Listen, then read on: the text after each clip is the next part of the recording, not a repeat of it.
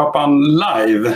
Idag februari, 8 februari. Eh, och idag ska vi lära oss allting om Aquila eh, Synergy Cup eller Aquila Formel 1000. Ni ska få mer förklaringar om varför vi säger så. Eh, och det är lika bra att vi säger det på en gång. Aquila, Aquilia, Aquilia, alla de här varianterna. Jag har fått reda på från säker källa att man säger, man tänker så här, tänk, tänk tequila, men så tar ni bort T, akila. Mycket enkel eh, minnesregel för alla som är intresserade. Och eh, vi ska träffa två personer. Vi ska träffa Alex Danielsson, vi ska träffa Mikael Karpers. Två personer som eh, delar verkligen passionen för motorsport Eh, och eh, speciellt för klassen Akila. Ehm, Lite olika bakgrund, eh, olika erfarenheter. Vi har Mikael som, som, har, eh, som jag kallar för elbilsexperten. Det visar sig att alla var elbilsexperter här, men, men eh, jobbar med förnyelsebar energi, smarta hem, men som också har bilar, bland annat Bettan har jag precis lärt mig, som har mer än 1000 hästkrafter, under 1000 kilo. Ni förstår själva. Sen så har vi då Alex som har en eh, racingkarriär och eh, racingkunskap som är typ oändligt lång eh, och eh, som eh, krävs minst, eh, minst en, en podd på en timme eh, för att förklara. Så vi kommer att, men vi kommer att ta valda delar av den eh, eh under, under den här intervjun. Och ehm, eh, det som, jag kan ju säga lite praktiskt innan vi drar igång här. Som vanligt så är det ju så att vi, vi sänder både på Facebook, och Youtube och Twitch. Och alla ni som vill skriva frågor eh, kan ju göra det på någon av de här eh, chattarna. Eh, och eh, vi ska se, jag ska bara ta... Som vanligt så brukar vi tacka sponsorerna till Zero Racing, Perssons uthyrning och försäljning som, släp Laholm och eh, Audiosave som gör eh, form, formgjutna hörselskydd för bland annat motorsport. Så att jag tänkte att vi eh, hälsar er väldigt välkomna. Alex och Mikael. Hur känns det bra? Ja, då, det tycker jag. Klassisk sportfråga. Ja, det är en klassisk sportfråga. Ja, det, det, det känns det. Så ska man alltid börja med ett nej. Så det...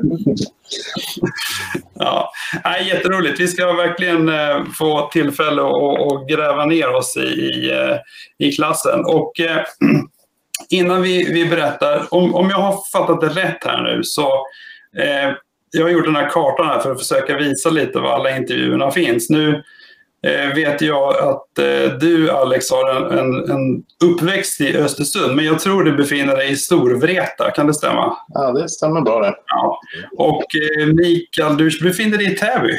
Mm, det stämmer. Ja. Så det blir en och samma plopp där. Det är ungefär på samma ställe. Det, stämmer inte riktigt, men, men ungefär i, i de trakterna befinner vi oss. Ja.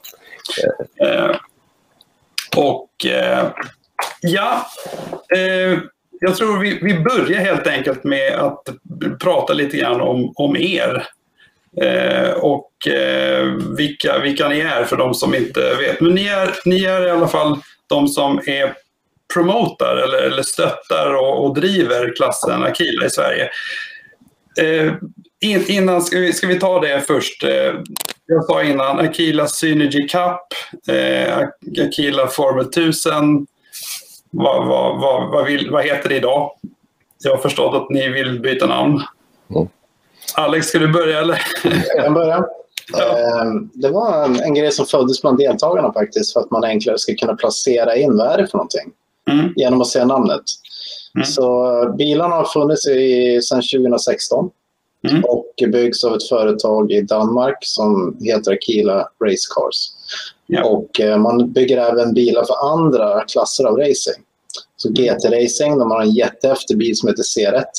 Mm. Och sen eh, Formel Ford till exempel, där bland annat eh, Kevin Magnusson körde mm. med Akila. och eh, klassen har hetat Akila Synergy Cup för att bilen heter Akila som märke och Synergy som modell. Mm. Och Cup, liksom. Enkelt. Mm. Eh, men det är en formelbil med täckta hjul, kallas det för, den där kategorin av bil. Mm. Precis som eh, Formula E till exempel. mm. som har blivit ganska stort de sista åren. Och eh, man ville framhäva att det var en formelbil. Så det är en 1000 kubiks motor nästan. Mm. Och eh, Formel 1000, precis som när vi körde Formel 3000 för ett antal år sedan mm. fram till och med 2004, som klassen under Formel 1, så var det en 3 liters motor. Mm. Jag tror man kör Formel 5000 i Australien, även som en 5 liters motor. Mm. Så Formel 1000, så, så enkelt är det. Och eh, det kommer att från och med nu så är hemsidor precis ändrade och allt sånt där. Och det kommer liksom att fortsätta som Formel 1000, men det är samma mästerskap. Mm. Enklare att känna till oss så att säga och förstå vad vi gör via ja. namnet. Det är egentligen det det handlar om. Det är ett fint namn. Så att, uh... mm. Eh, ska vi prata lite om vilka ni är? Eh, och eh, jag brukar ju gå in i den här Driver Database när jag tittar på mina gäster här. Eh, och eh, det, Mikael, lite börja. Eh, vi kunde konstatera att det var inte så mycket vi hittade på dig. Medan eh, på Alex så var det, det här är bara summaryn som vi hittade här. Den, den börjar 99. Men, men Mikael, ska du berätta lite. Vem är du och, och, och hur hamnade du här? Liksom? Ja du, eh, vi kan väl säga så här, apropå Driver Database, jag kände mig lite förelämpad där, för jag har, har ganska många podium och en hel del segrar också. Så att, eh, men det var ju tidigare liv. Jag tror att det där som du sa tidigare, det är väl bara Kila-starter. Mm. Eh, och eh, jag har ju kört modsport, jag har kört eh, SLC, jag har kört eh, vad heter det, SSK lite grann också. Eh, då i GT-klasser hela tiden. Liksom. Mm. Eh, men egentligen började det som en 40-årskris för mig. Eh, alltså jag har varit helt galen i bilar ända från det att jag föddes i princip. Men mm. när jag fyllde 40 då kom det en, en av mina bästa vänner till mig och sa så här. Hör du Micke, nu ska vi göra någonting vi borde ha gjort för länge sedan. Vi ska ta racinglicens. Mm. Och på den vägen är det. Det bar iväg till Linköping och eh, Svista då. Mm. Och eh, vad heter, Tobbe Roséns eh, var det den som drev det där på den tiden. Och så tog vi formellicens. Och eh, sen så på den vägen var det. Vi skulle leta reda på en bil. Det visade sig att allt var väldigt dyrt. Porsche, BMW och så vidare. Mm. Så det blev V8 för oss istället. Vi hyrde en gammal begagnad Camaro Cup-bil för 10 000 spänn, tre race. Mm. Som vi, fick, vi fick ganska bra snurr på den där bilen. Så den här bilen fick killen som hyrde ut den till oss. Ja, vi hämtade en lada uppe i Dalarna Eh, det låg en massa halm på den. Men sen så fick vi släpa ner den till, till Stockholm, fixa upp den och så gick det ganska bra för oss. Han sålde den där för en rejäl peng faktiskt efter mm. den säsongen vi hade haft den och kört den. Sen köpte vi, har det varit ett antal olika Corvette-varianter importerade från Kanada. Och sen en jädrans massa självbyggeri. Mm. Tyvärr. Eh, eller självbyggeri. Jag, jag drog igång egentligen ett företag runt allt det här som heter Speedlab. Mm. Eh, jag försöker delfinansiera mycket av vansinnet genom att då hålla kurser. Och mm. vi, vi håller kurser då i hur du alltså i väghållning, väghållningsteori för alltså mm. racer, racer, racerbilar. Och, eh, ja, hur, hur amatörer ska kunna få sin bil att sitta fast bättre i banan. Mm. Och Alex har ju varit co-host på de där grejerna några gånger då och då också. Mm. Ja, eh, vad ska vi säga mer om det här? Ja, eh, den, här bilden, den här bilden, du sitter i en Akila där va? Ja, jag sitter i en Akila. Mm. Och jag blänger lite där också tror jag. Men, men eh, det är precis innan start och det var jäkligt varmt kommer jag ihåg. Ja. Jag, jag, tycker den där bilden är lite, var lite rolig så jag kör på den där. Mm. så är det. Men, men, man kan ju säga att nu, så att säga, nu är det så att vi, vi kommer ju prata lite om det, men du kör ju Akila-tävlingar. Liksom. Mm. Inte bara promotad utan du är även... Jag kör, jag kör också. Jag kör Sportman-klassen då, för de mer fullvuxna mm. människorna. Eh, och det är, alltså det är jävligt kul. Eh, det, mm. och det ger också en väldigt tydlig bild av kvaliteten på, på ungdomarna som, som, ligger, som kör hos oss och som ligger i toppen. Mm. Det, det som jag brukar säga, jag har liksom, för det gick upp ett ljus för mig 2019, just det här att det var verkligen så att de här ungarna, alltså de, det är en annan grej. Och det, det är ungefär samma sak också som när Alex kör.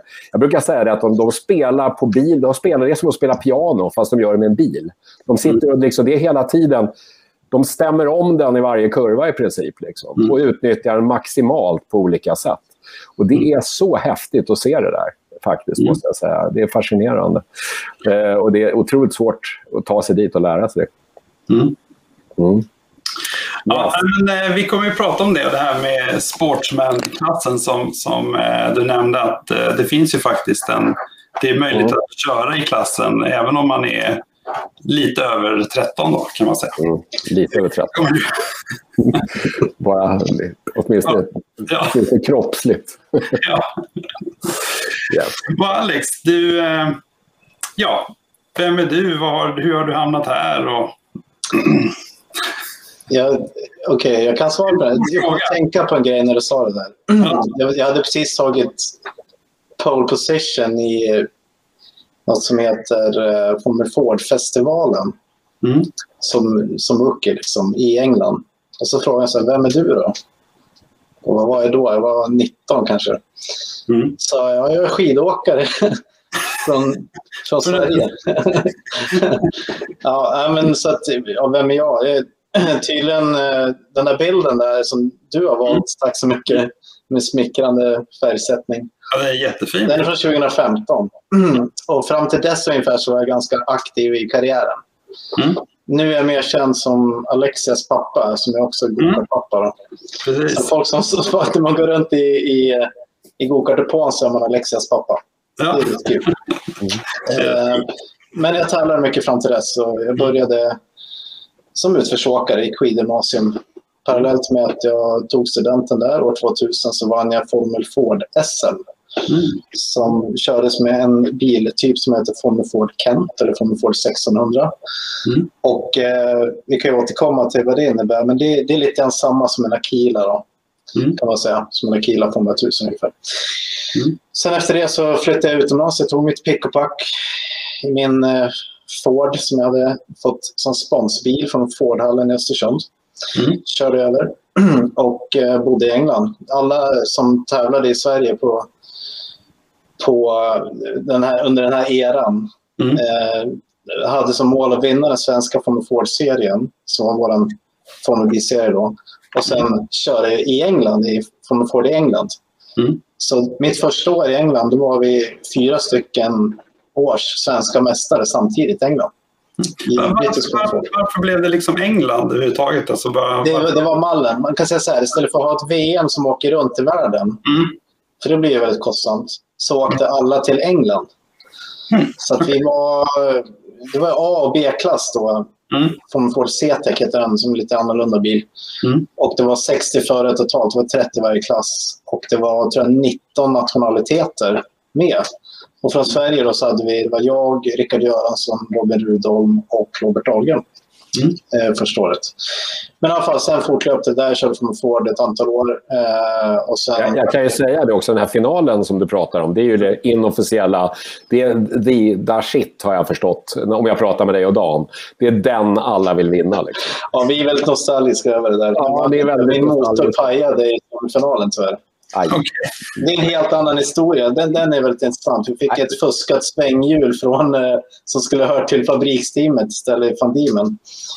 Eh, men då måste man köra med fusksoppa, annars detonerar den sönder. Det visste inte vi om. vi visste inte att vi hade det här svänghjulet heller. Det stod ju Ford Racing på det. Liksom. Men de hade flyttat tändningen i det.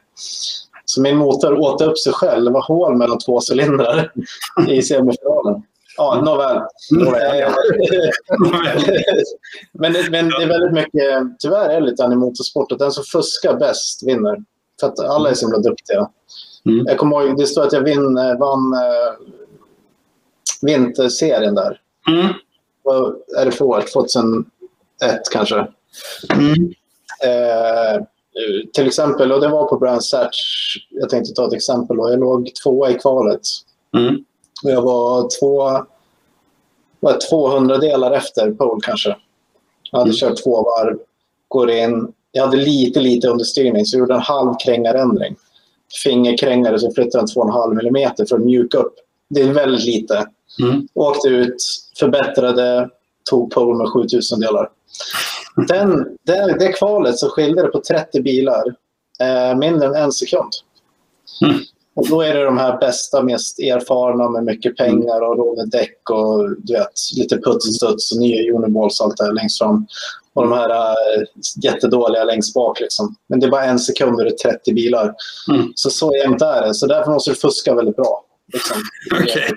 Vi får ett eget program om detta tror jag. Ja, men det är också därför vi är lite attraherade av Akila. För det, bilarna är likadana. Ja, vi håller på att lista ut hur man fuskar. Ja, exakt. Vi, vi måste hjälpa Micke lite grann. Han är lite efter. Nej, men, eh, man, kan, man kan ofta se om det är någon som fuskar eller inte på mm. bilarna. Om de luktar lite funky eller något sånt där när man, mm. man åker förbi. Um, som gäller i gokart. Ibland så säger föraren att de blir tårögda när de ligger efter en viss kart. Då är det läge för stoppaprov till exempel. Okay. Men eh, Formel Ford eh, i en sån där klass där det var visst, bilarna ska byggas på ett visst sätt, men det är fritt chassi, tillverkare och allt det där. Det finns så mycket bra historier kring det. Men motorn var likadan. Akilerna byggs på samma ställe allihopa. Mm. Precis som Formel Nordic, eh, som är så att säga, ett steg över Akila mm. på frontbilstegen. Mm. Där är bilarna också lika i grund och botten. Så mm. har du en bil så kan du vinna. Många racingklasser så är det inte riktigt så. Inte ens i gokart. det är mycket hur du får till motor och allt det där och förgasare. Mm. Men, men i, med de här racerbilarna så är det insprut och det är samma programvara på alla, så de går lika. Mm. Så. Men min karriär då? Ja, men jag körde från Ford, sen körde internationellt istället. Då. Får man börja resa runt. Formelbilar också. Det var någonting som hette World Series mm. 2006. Och eh, det var... Eh, man ser inte så bra. Det är en, mm. den bilen där bak. man ser bara en hjälm. Den hjälmen var det som var. Mm. Eh, och det var, det var en big deal. Så mm. det var före som Pastor Maldonado, Sebastian Vettel med flera som var med Och det är ett steg under F1. Eh, sen fick jag några F1-testföruppdrag. Mm. Eh, sen prickade min karriär väldigt dåligt med finanskrisen. Mm. För det var, jag var liksom sponsorfinansierad. Mm. Och det är svårt med sponsorer när det inte finns några pengar. När eh, Goldman Sachs eh, kraschat och... ja, det var, det var fel tillfälle. Jag hade vid ett tillfälle påskrivet treårskontrakt med Honda att köra i sämsta teamet Supra-Guri. Mm. Som de sen fick lägga ner då när det där sket sig. Men mm. också en helt annan historia. Sen har jag kört diverse sen dess. Mm. 2015, samma år som på bilden, så körde jag Time Attack mm. och även VM i rallycross. Mm. Eh, innan det körde jag en del Nascar. Och sen står det vid Thundercars där också. Körde mm. Challenge. Eh, kör mycket monstertruckar nu för tiden. Ja, monstertruckar. Hur kom du in i det? För det har jag sett på någon bild också. Liksom. Hur... Blir man, ja, jag... liksom, blir man bara anropad? Vi behöver en monstertruckförare här. Eller hur, hur går det till? Eh, den gången var det så. Eh, då, alltså, det är mer intressant att säga så här tror jag. Mm. Eh, pratar man med någon som kör monstertruckar mm. professionellt mm. så har alla sin historia, de skiljer sig från varandra. Mm. Eh, man kan ju tänka så här, ja jäkla jänkare, de är inte så duktiga att köra. De är fantastiska att köra. Mm. De kan köra vad som helst. Det här är lastbilar som väger 5,5 ton, som mm. man kör på bana i princip och så ska man dansa med den. Det är egentligen helt omöjligt. När jag får till det så är det bara tur. De gör det reguljärt liksom och mm. jättebra. Mm. Men eh, ja, jag fick ett samtal mm. och frågan så här, du, eh, vill komma och vara med i showen mm. i Globen? Ja, det vill jag. Jag tackar aldrig nej. Liksom. nej. Så, eh, det var 2004 tror jag. Mm. Eller fem, jag kommer inte ihåg. Mm. Fyra eller fem. Mm. Och eh, jag var liksom i, ska man säga, i ropet. Jag var en av de här som eventuellt kunde kanske komma till Formel 1. Mm. Så att jag, jag fick frågan först helt enkelt. Och eh, ja, det var bara att köra rakt fram, ungefär 20 meter, hoppa, sen gick vi mål i luften på varsin kort sida, eller lång sida på banan. Det var det. Eh, men det ramades in som en kul grej. Att man skulle ha en lokal förare, för det var amerikaner i princip som mm. körde. Mm. Så det var bara jag som svensk. Och sen var det så småningom spin-offs på det. Mm. Eh, och sen nu är jag reguljär. Mm. Mm. Eh, I fjol var det ingenting. För det, mm. vart, det är publiksport liksom. Och det var lite tufft i fjol. Verkligen. Mm. Nej, vi får hoppas att eh, 2021 blir lite bättre. Det ju, ja, vi kommer in på det också, men, men det är ju ingen som vet. Men vi, vi håller helt enkelt tummarna. Hela Motorsport-Sverige håller väl tummarna för vad som... Mm. Ja, men jättebra. Jag tror att vi har fått en eh, liten bild av er två. Och, eh, eh egentligen bara lite kort, hur, hur, hur blev det ni två liksom, i Akila? Micke, kan, kan du berätta om Anders Torp det här först? Ja, jag kan dra Anders Torp kan jag berätta om Akila. Det, det, var faktiskt året 2006 då Alex vann World Series by Renault som, mm. som, eh, som eh, Fredrik Skoghag, eh, som håller i SLC, och, tyckte att vi körde den där bilen vi hade alldeles för fekt. Han menade att det måste gå att köra den där fortare. Mm. Det var också en Corvette, en GT1-Corvette från Kanada faktiskt. Mm. Eh, och... Eh, så han tussade ihop oss och Alex nere på Anderstorp och sa att nu får han ta ut det på förarkurs. Mm. Och så får ni se vad som händer. Och det, för min del var det en nära döden-upplevelse kan jag säga. I, i en vad det, Mitsubishi Evo. När liksom bra, han brakade rakt in i kurvan och någonstans mitt i velodromen utan att ens ha bromsat drar han i handbromsen och ställer upp bilen och drar åt andra hållet. Liksom. Det var verkligen så här. Det var, det var intressant. Men jag, lång historia kort. På en dag blev jag tre och en halv sekund snabbare. Och jag kommer ihåg vad han sa fortfarande. Det var det här. Du, ni, vet, ni har ju lärt er teoretiskt hur ni ska köra de här kurvorna. Såna här mm. kurvor, just de här som Anderstorp består av. De här 180 grads velodromkurvorna. Liksom. Mm. Nu ska ni glömma det och så ska ni göra så här istället. okay. och, ja, ja. Alltså det var, och det, det var ett uh, galet, underbart sätt att köra på. Men man var tvungen verkligen att övertyga hjärnan om att man inte skulle dö på vägen. Mm. Och jag spöade loppet som var dagen efter. Då spöade jag Porsche Cup-bilar och allt. Det var liksom helt magiskt med den här gamla Corvetten. Eh, och, eh, det var så vi lärde känna varandra. På den vägen är det faktiskt. Sen har vi hållit kontakt efter det. Ja, det var ju Mikaels version. Eh, Alex, vad, vad är din version av det här? Det är lite som ett förhållande. Hur ser det ut hur ni blev tillsammans? Liksom? Ja, Okej, okay, så Skoghag ringer till mig ja. och säger så här. Du, eh, det är några som behöver lite hjälp här. Mm. Och jag, det är jag som ber dig.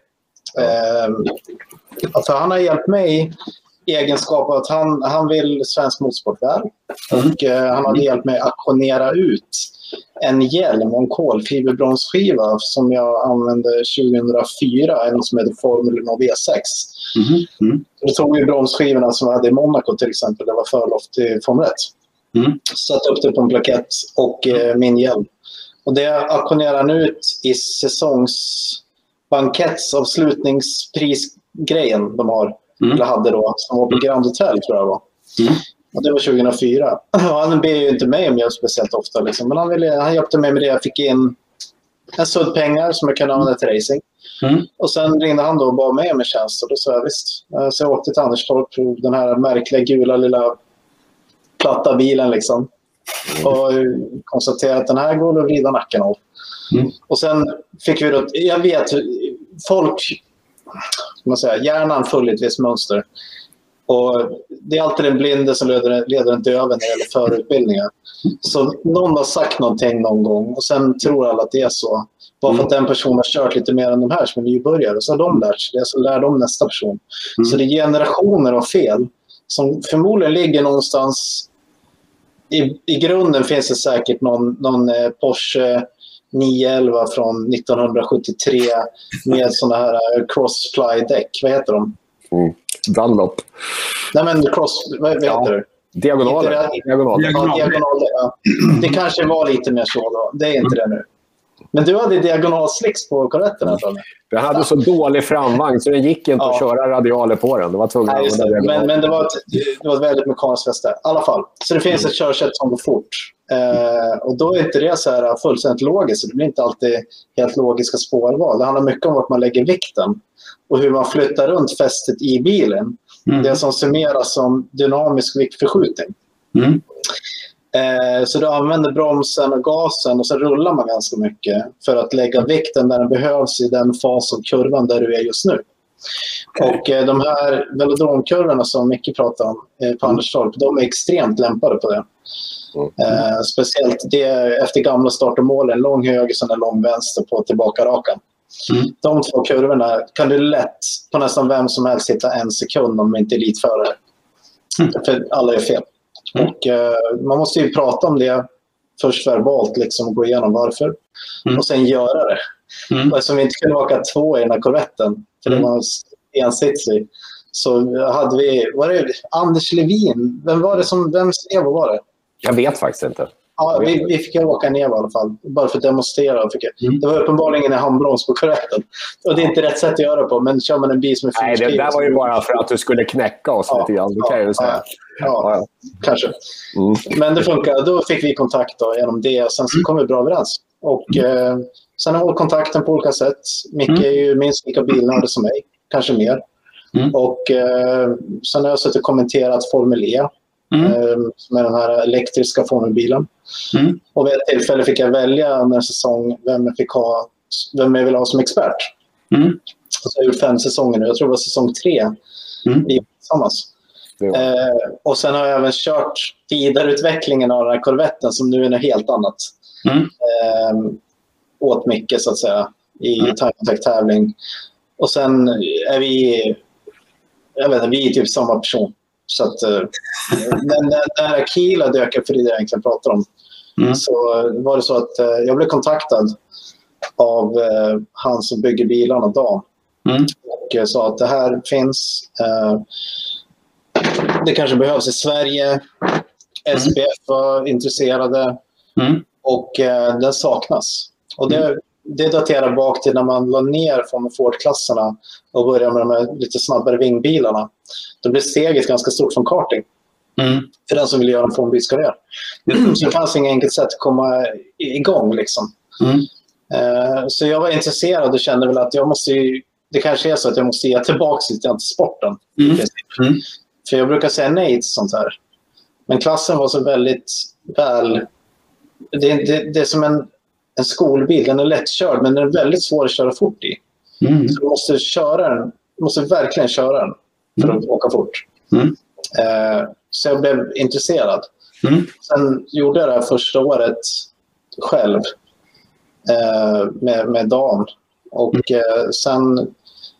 För Dan, Dan är, han, vad jag vet om Dan så är han, han är från Danmark men han pratar svenska. Ja, han är som tur är. han är smålänning. Ja, han är smålänning, det sa det. Okay. Eh, men i alla fall så i slutet av året så eh, pratade jag och bjöd ner Karpers till ett test som var på Knutstorp. Och så började vi spåna om det här inte var någonting som var kul att göra tillsammans. Mm. Jag kände att det var lite övermäktigt för mig som mm. Gör ganska mycket annat. Och vi hade väl 14, 14 racehelger i karting dessutom. Mm. Mm. Parallellt med det här. Så kör jag själv monstertrucka, time attack.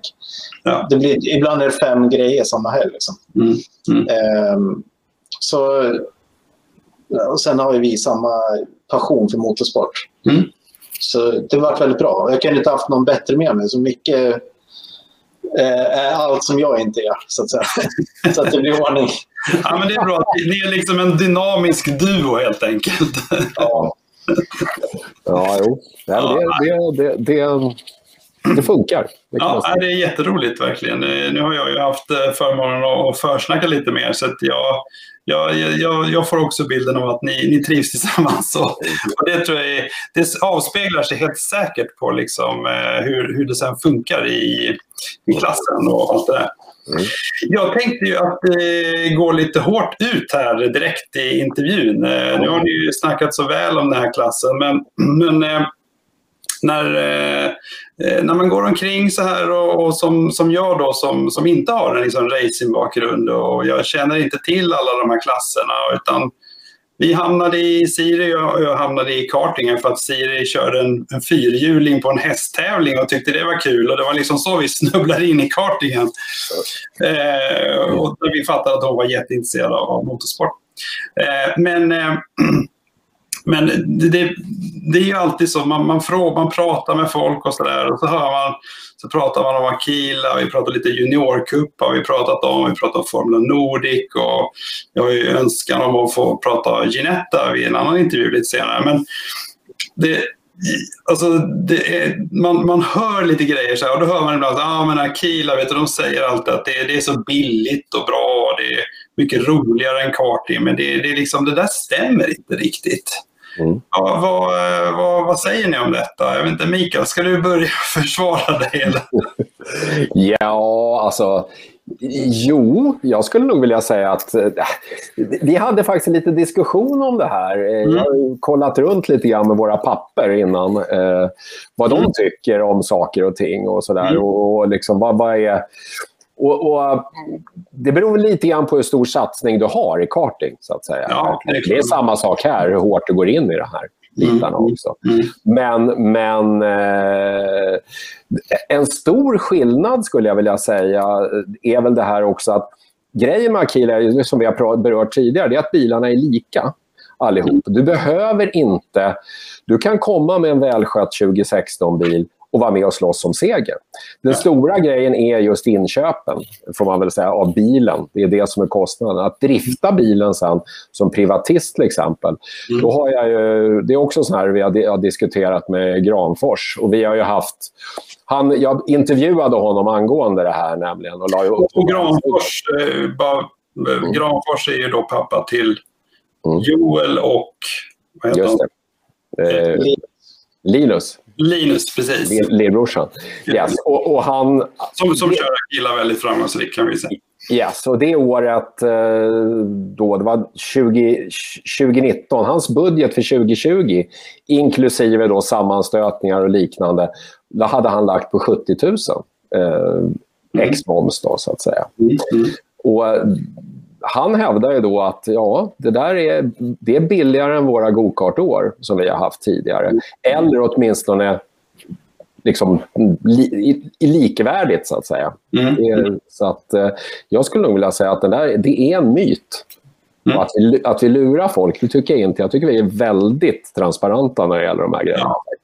Och nu tänkte vi vara extremt transparenta här, så vi har, gjort, eh, vi har ju tagit fram den här lilla tabellen här där jag håller på att fylla i alla de här. Mm. um, vi har fått första kommentaren här som, som från Torbjörn Ekengren som tycker att smålänningarna de är, de är grymma. Torbjörn är eh, kraftigt partisk. Dels är han smålänning Ja. Och dels är han eh, sponsor till klassen. Mm. Eh, och han är grym. Han, han är the redeeming factor. Men eh, låt mig säga också, för när du pratade mycket nu om att ja, du kan köpa en bra 2016-bil och sköta om den så kan du vinna. Ungefär så sa du. Mm. Då kan jag fråga dig. Då. Nu, nu får jag intervjua Per. Mm. Eh, vilken årsmodell är det på Joels bil nu? Han som vann? Det är 2016. Jaha, förlåt. Yes, exakt. Mm. så det är inte bara att man säger det. De, har, de köpte en 2016 mm. och eh, den går lika bra som en ny eller vilken som helst, för de byggs likadant. Det är samma mm. ritning, samma ligger, allting samma. Eh, den bilen som var tvåa i serien mm. var Elias Adelstam och han köpte en ny 2020-bil. Mm. Mm. Och eh, ja, då får man ju någonting som inte krockat, man får någonting som mm. inte slitet någonstans alls. Och eh, det är en väg att gå. Mm. Så det spelar ingen större roll så för prestandan. Mm. Ja. Mm. Ja, nej, men det, det är ju ett bevis på att du kan, du kan vinna med och det, det, det är ju jättebra verkligen. Om vi tittar lite bara på anmälningsavgifter och sådana saker så det som vi sa var att eh, man, gör, man har en serieanmälan 12 000 och sen så kostar det då 3 och 5 plus moms eh, per tävlingshelg. Som, och momsen är 6% just på de här startavgifterna. För kör du under Riksidrottsförbundet så är det 6% i moms. Ah, ja. Det har jag faktiskt inte koll på, men det är, det är jättebra. mm, mm. Tillägga går ju också att säga då, vill man köra ett race, mm. vilket eftersom vi har sådana här ride and drive upplägg så vill du köra mm. tävling. Mm. Känner du att Kinnekulle är din bana liksom, och du är ledig i juli mm. så kan du komma och köra Race Week. Och då betalar man ingen CRV men en högre AMSF. Ja, just det. Mm. Ja, för det har jag också förstått att ni har ju det här eh, vad kallas det, arrive and drive. Eller mm. att man så att säga bara man dyker upp med, med hjälm typ och, och lite personlig säkerhetsutrustning och sen så har ni allt annat på plats. Mm. Så att, eh, men om vi tittar bara lite, däcken, det är däck. Mm. Eh, det är en sorts eh, mönstrade slicks, tror jag vi kallar det. Mm. tusen kronor. Det verkar inte som att man... Det verkar vara lite som på Renault Junior-cupen. Vi köpte sex däck förra året och det, sen hade vi några gamla slitna också. Men en åtta däck, eh, tror ni att det, det, det räcker liksom för en säsong? Mm. Det är det man får ha. Ja. Ja, ja, ja. Det är man, det man får ha dessutom. Så så här, som Granfors sa i intervjun som ligger på sajten, och den var för ett år sedan. Mm. Eh, det går åt ett set däck för alla race. Ja. Sen får du köpa två set däck och besikta in. Och det kan vara en bra idé att göra det om man vill satsa. Liksom. För kommer det mycket regn helt plötsligt och du är på sista racehelgen och då går fortfarande däcken bra i torrt. Men i regn så mm. pumpar de inte ut vatten längre eftersom mönstret är nedslitet. Mm. Men däcket i sig går fort så säga. Men då är det bra att slänga på de där andra däcken. Eller om ja. du bromsar sönder ett däck eller gör något snurr eller någonting mm. Mm. så har du reserv. Ja. Mm. Och det är vanlig bensin. Eh, här står att ni kör 95 oktan. Jag vet att i Renault-gruppen så kör vi 98 faktiskt. Mm. Men ni kör 95? Ja. ja. Mm. 95 har oftast eh, snabbare förbränningstid. Okay. Mm. Eh, bromsbelägg var lite roligt. Eh, jag, jag, har bara tagit upp det som ett exempel här. Eh, tusen spänn. Men ni säger det, alltså det, det, är tydligen ingen som har bytt bromsbelägg på grund av slitage i alla fall. Nej. Är det verkligen så? Mm. Ja, det, det är så. Bilarna har som sagt gått sedan 2016. Eh, ja. Enligt tillverkaren, om jag får citera Dan, mm. Mm. ska beläggen i alla fall hålla fem säsonger. Mm. Um, men eftersom vi inte har kört fem säsonger i Sverige så har det inte riktigt behövts. Mm. Mm. Uh, och det är ju så att bilen i sig är ju lätt. Den mm. väger ju 510 kilo med förare när man går i mm. mål. Mm. Och 5.35 i Mickes klass. Sportsman. Det är så de ska ha något att skylla på varför de är tre sekunder efter varv. Mm. Det, det, där är viktigt. ja, bokstavligen. Ja. ja, nej, utan... Um, hästkrafter, 93 hästkrafter. Toppfarten mm. blir begränsad men den är snabb i kurvorna. Mm. Så det här, istället för att det går 300 och du ska ner i 50 så mm. går det 170 och du kan köra 80 km. Mm. Så det blir bara en liten touch på bromsen. Liksom. Ja. Så, och sen är bromsarna lite överdimensionerade för bilen. Så det räcker ju vem som helst. Mm. Eh, och sen, eh, sen kommer vi då till själva bilen. Och eh, där har ni sagt att en ny bil då, det är 29 000 euro plus moms. Mm. Eh, och då köper man dem, var köper man dem? Alltså, är det av, av dagen på något vis då, eller hur? Absolut. Ja. Det är det. Det stämmer. Mm. Får jag tillägga en sak där? När man köper en ny bil från Danmark. Mm. Jag vet, jag har sett på några av dina tidigare poddar som pratar om det här med företag och sånt. Mm. Eh, man kommer upp i någon nivå så börjar man hantera det som företag för att det är lättare mm. att fakturera in sponsorskap och hantera utgifter. Mm. Så har du ett företag och köper en racerbil från Danmark, då betalar du ingen moms. Det är noll kronor i moms i ett annat land. Mm. Så, visserligen är det X-moms, men det blir ingen moms heller om du köper den på en firma. Köper den privat för att betala moms. All right, okej. Okay. Mm. Ja, intressant. Ja, men det, är ju...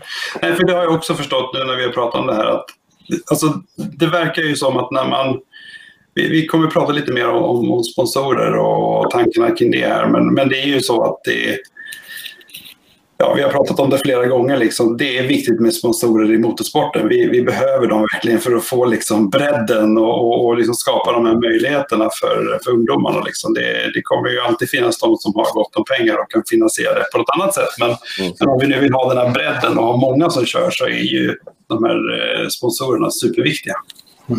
Mm. så att, eh, det är ju, men det har jag också förstått att i den här klassen, det, det man är på nivån att vi, vi har startat ett litet bolag och vi har lite sponsorintäkter och vi kan liksom finansiera saker på det viset. Vi ser ju de som har kört i serien två år nu, att mm. de har gått ifrån och, från karting mm. och sen velat göra det liksom nästa steg i karriären, men även i tänket. Så man börjar försöka jobba med sponsorer. Mm. Och sen ser man år två att de har väldigt mycket med sponsorer på bilen. Mm. Mm. Så det är lite kul också.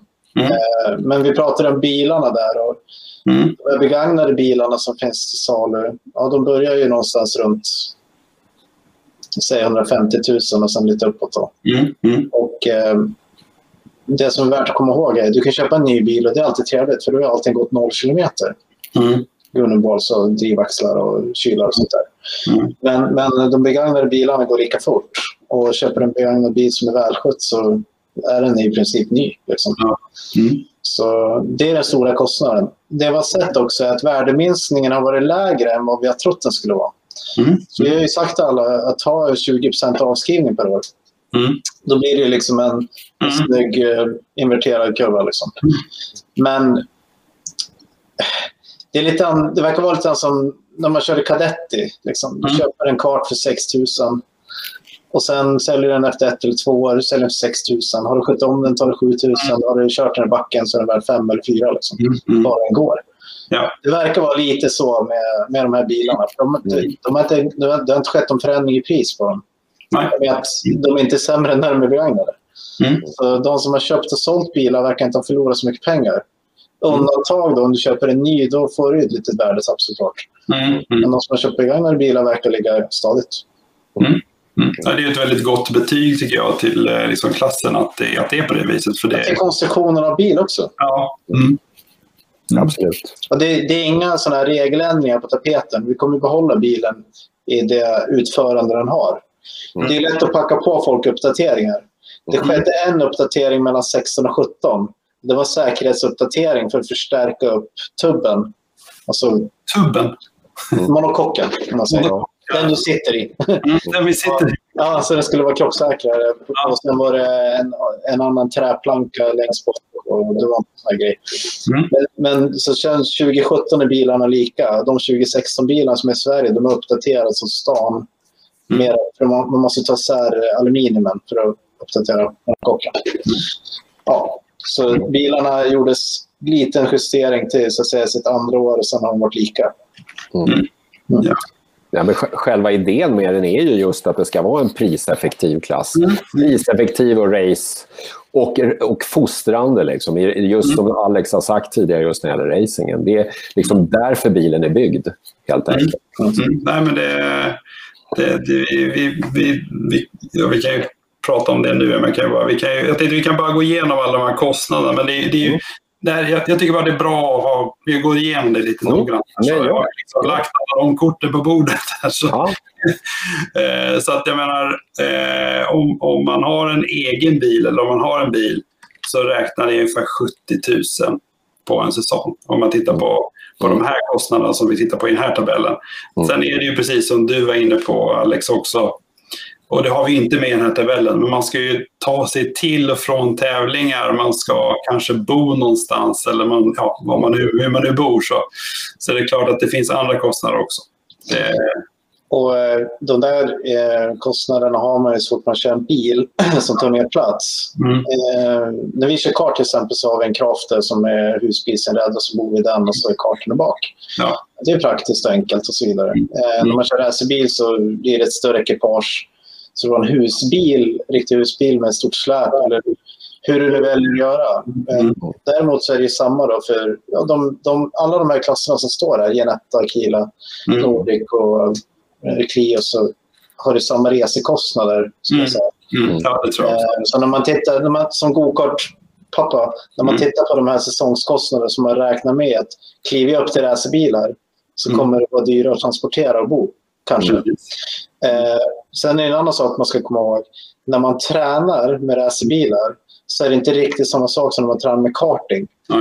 Eh, kartingbanor drivs ideellt och eh, man har träningsvakter, man är medlem i en klubb, man köper träningskort och sånt där. Mm. Så är det i regel inte på racerbanor.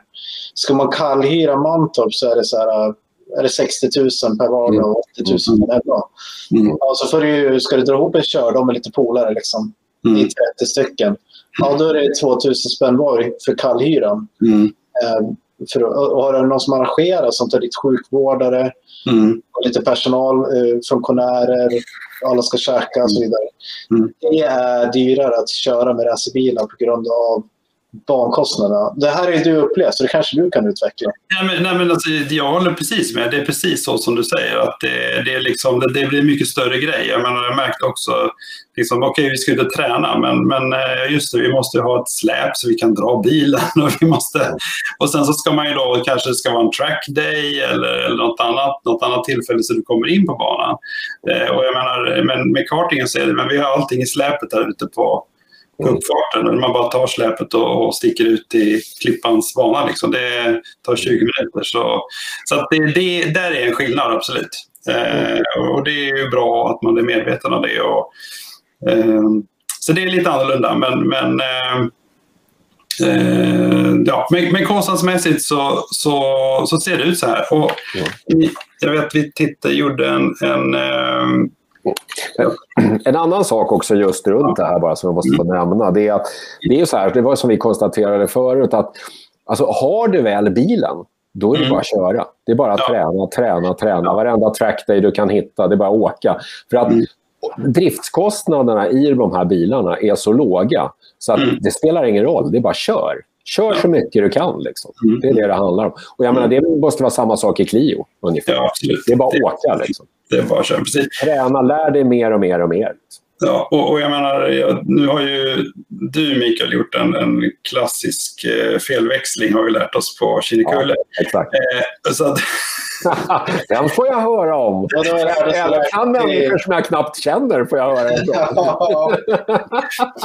eh, men, men eh, även om man gör det och, och liksom, eh, växellådan går sönder så kan vi konstatera att mm. det blev ju ändå inte någon sån ekonomisk katastrof. Även om det säkert var jobb att byta och dona. Två, men, två, timmar, två timmar tog det när vi gjorde det. Men då var, i och för sig, då var vi det är erfarna mekaniker. Det kan man ja, säga. precis. Mm. Det är också en sån här sak vi, i klassen, man hjälps åt jävligt mycket. Och Det var också en sån här sak jag tänkte när vi pratade frakta runt saker. Mm. Mm. Det, det som man och, alltså det man ska titta på, det är väl säkert så inom kartingen också om man nu åker runt på stora tävlingarna. Man, det är en klar fördel om man skaffar sig ett fordon som gör att man kan stanna på banan. För mm. att, alltså, det är ju kvällen också. Det är jädrigt kul. Vi har otroligt bra sammanhållning i klassen. Mm. Eh, vi käkar ofta lördagsmiddag ihop. Till exempel. Mm. I princip, ja, det gör vi varje tävling skulle jag vilja säga. Mm. mm. Eh, och Alltså man hjälper varandra väldigt mycket. Mm. Jag kan tänka mig att ni har väl ungefär samma grej i Clio. Det är det, det, är det absolut. Det är samma på, vi är ju på samma tävlingar med Renault mm. Så vi är på SK-serien, vi kommer att titta på det också.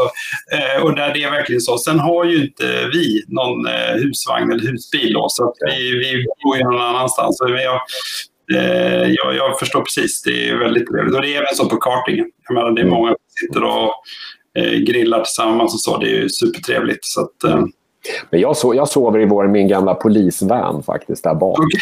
Jag, jag, lastar ur det jag har där, så blåser jag upp en luftmadrass och så ligger jag där bak och sover. Det är vattenburen golvvärme i den. Så att det är helt... Eh, får jag gå tillbaka två steg?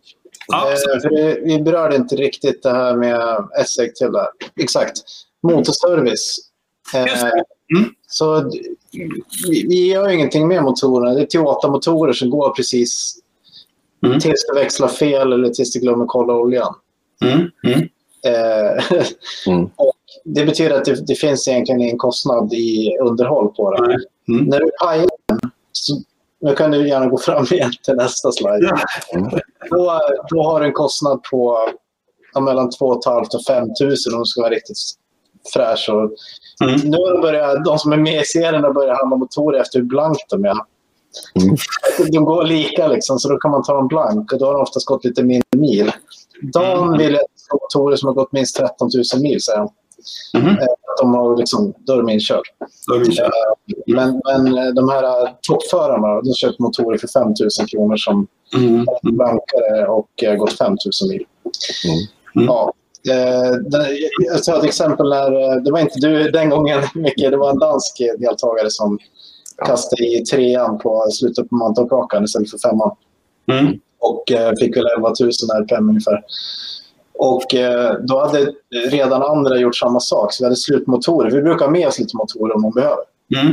Eh, så två motorer hade gått åt. Det var första testdagen för Akila i Sverige Mm. i samband med racet. Så det var det här vårracet 2019. Mm.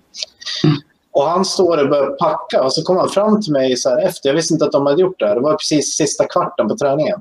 Mm. Och så kommer han fram till mig och säger så här, du, vi åker tillbaka till Danmark nu. Med lite tur så kommer vi till söndagsracet. Mm. Jag sa, vadå då? Nej, vi har inte med vår reservmotor, den står i garaget. Mm.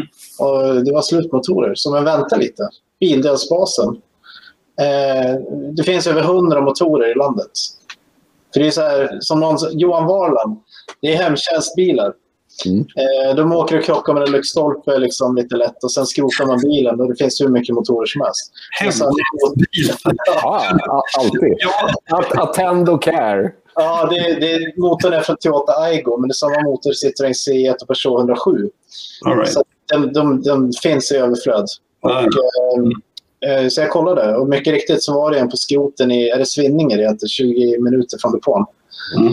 Så jag ringde den snubben och de var och hämtade motorn klockan sju när han öppnade Mm. nästa dag. Och eh, kastade i den och hann till kvalet. Istället för att åka till Danmark. Så det, det, det var lätt. Och den motorn, han kom på pallen dessutom. Mm. Jag vann sen säsongen dessutom också. Benjamin Frislund. Var det Frislund alltså? Ja, Frislund var det. Häftigt. Ja. Eh, 2400 kronor inklusive moms kostar den motorn. Ja, det, jag tycker det, det låter bra. Ja. Och, och, för att ta Sverigebilen som exempel, Micke. Ja. Den har vi haft jättemycket testkörningar i. Mm. Så eh, varje till varannan vecka Mm. så har vi haft den aktiverad ute i eh, Eskilstuna på GTM Motorpark. Mm. Och då har vi även eh, förvarat den där. Mm. Och då går det till så här. Vi kanske har mellan eh, två till åtta förare som ska provköra. Mm. Beroende på hur många pass man vill åka. Mm. Och så kör man från lunch fram till kvällen. Liksom. Mm. Eh, då kommer vi dit strax innan. Tar ut bilen, vrider på nyckeln, den startar på en gång och sen hoppar folk i och kör. Och ställer tillbaks. Och sen kommer nästa vecka, tar ut bilen, starta, kör, stoppa tillbaks. Och så får man tankar någon gång ibland. Och så oj, det var inte kolla lufttrycket på en vecka. Ja, det är samma, okej. Och så, så har det varit. Liksom. Mm. Den har ju gått precis hur mycket som helst. Mm. Jättefin motor tills det var någon som växlade fel. Mm. Fast den är, Ja, den, nu är den, är fin, den, den är fin nu med. Den är, den, rent prestandamässigt går den som en raket den här jävla bilen. Absolut. Ja, så det, Ja, men så, som någon av papperna, jag kommer inte ihåg vem det var, var det Granen som sa så här, eller Granfors. Eh, jag har fått mitt liv tillbaks. Var det han som ja, det var han. Det var han. Kan du ta en öl i depån istället för att tokmeka med olja upp till armbågen för kedjeskyddet? Liksom. Jag tyckte det var kul. Men sen en annan grej man ska komma ihåg också när man går från karting, det är att Mm. som du såg på slidesen där, det är, ni kör sex helger, vi kör sex helger, Mm. Nordic kör sju helger.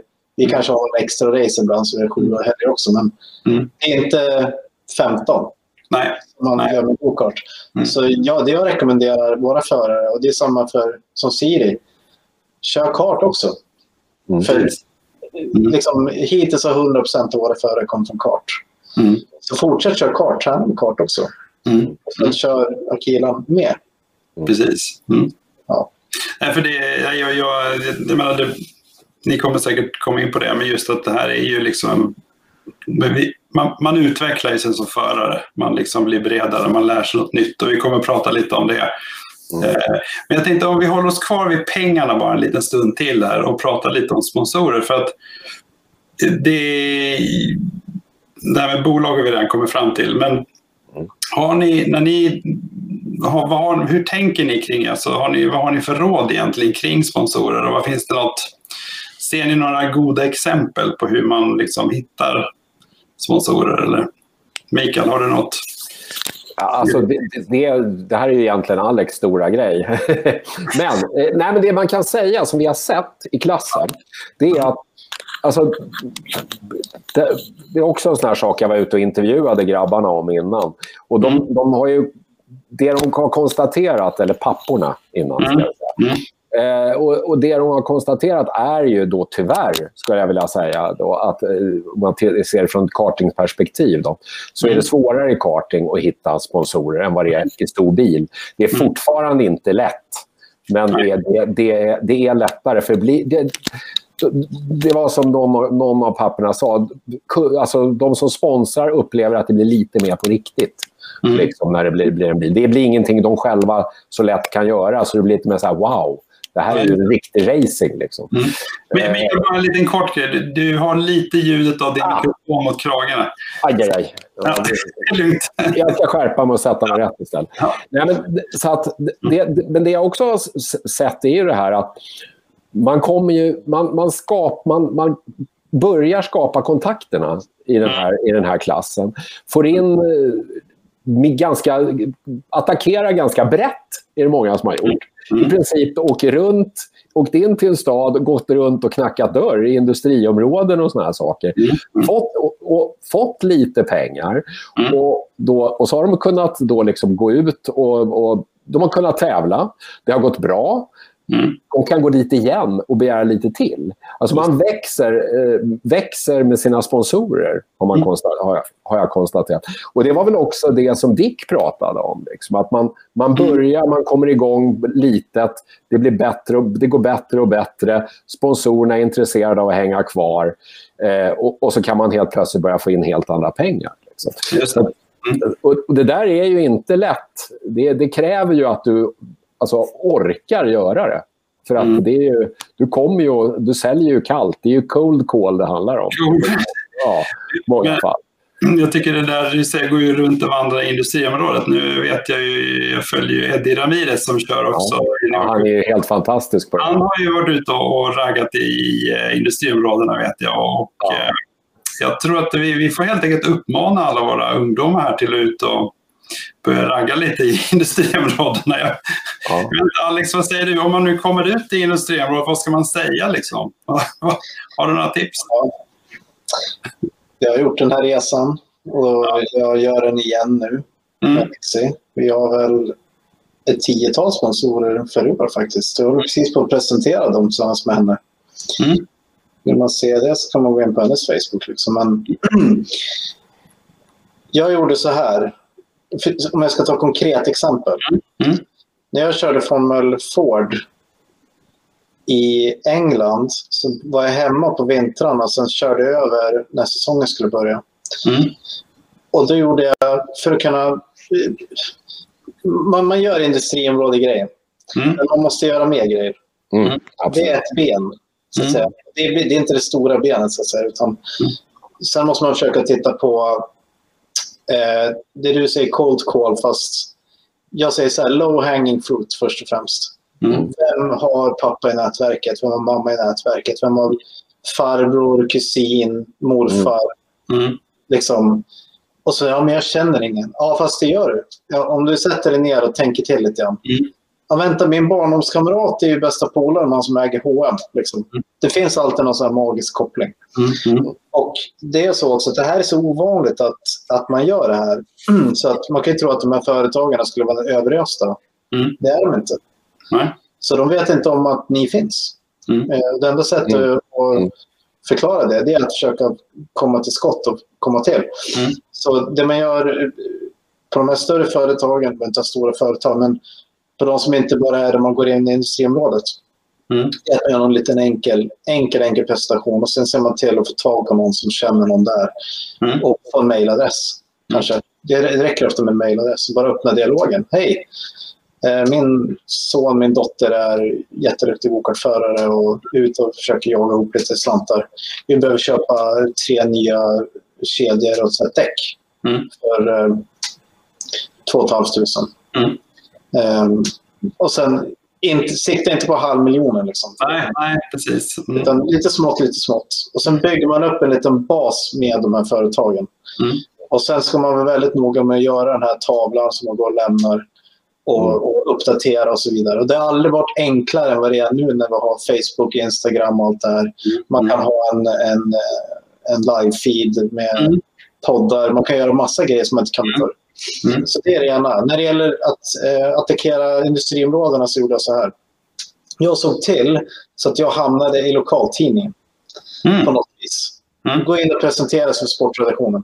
Mm. Så jag hade en, en rykande färsk tidning. Liksom. Mm. mm. Och sen så tog jag med mig den och lite bilder på min racerbil. Mm. Och sen satte jag, det var material jag hade med mig. Sen gjorde jag en liten lista med punkter på olika saker. Mm. Så sålde jag något som heter racingpaket, kallar det för bara. Och jag fick en, en sponsor som gjorde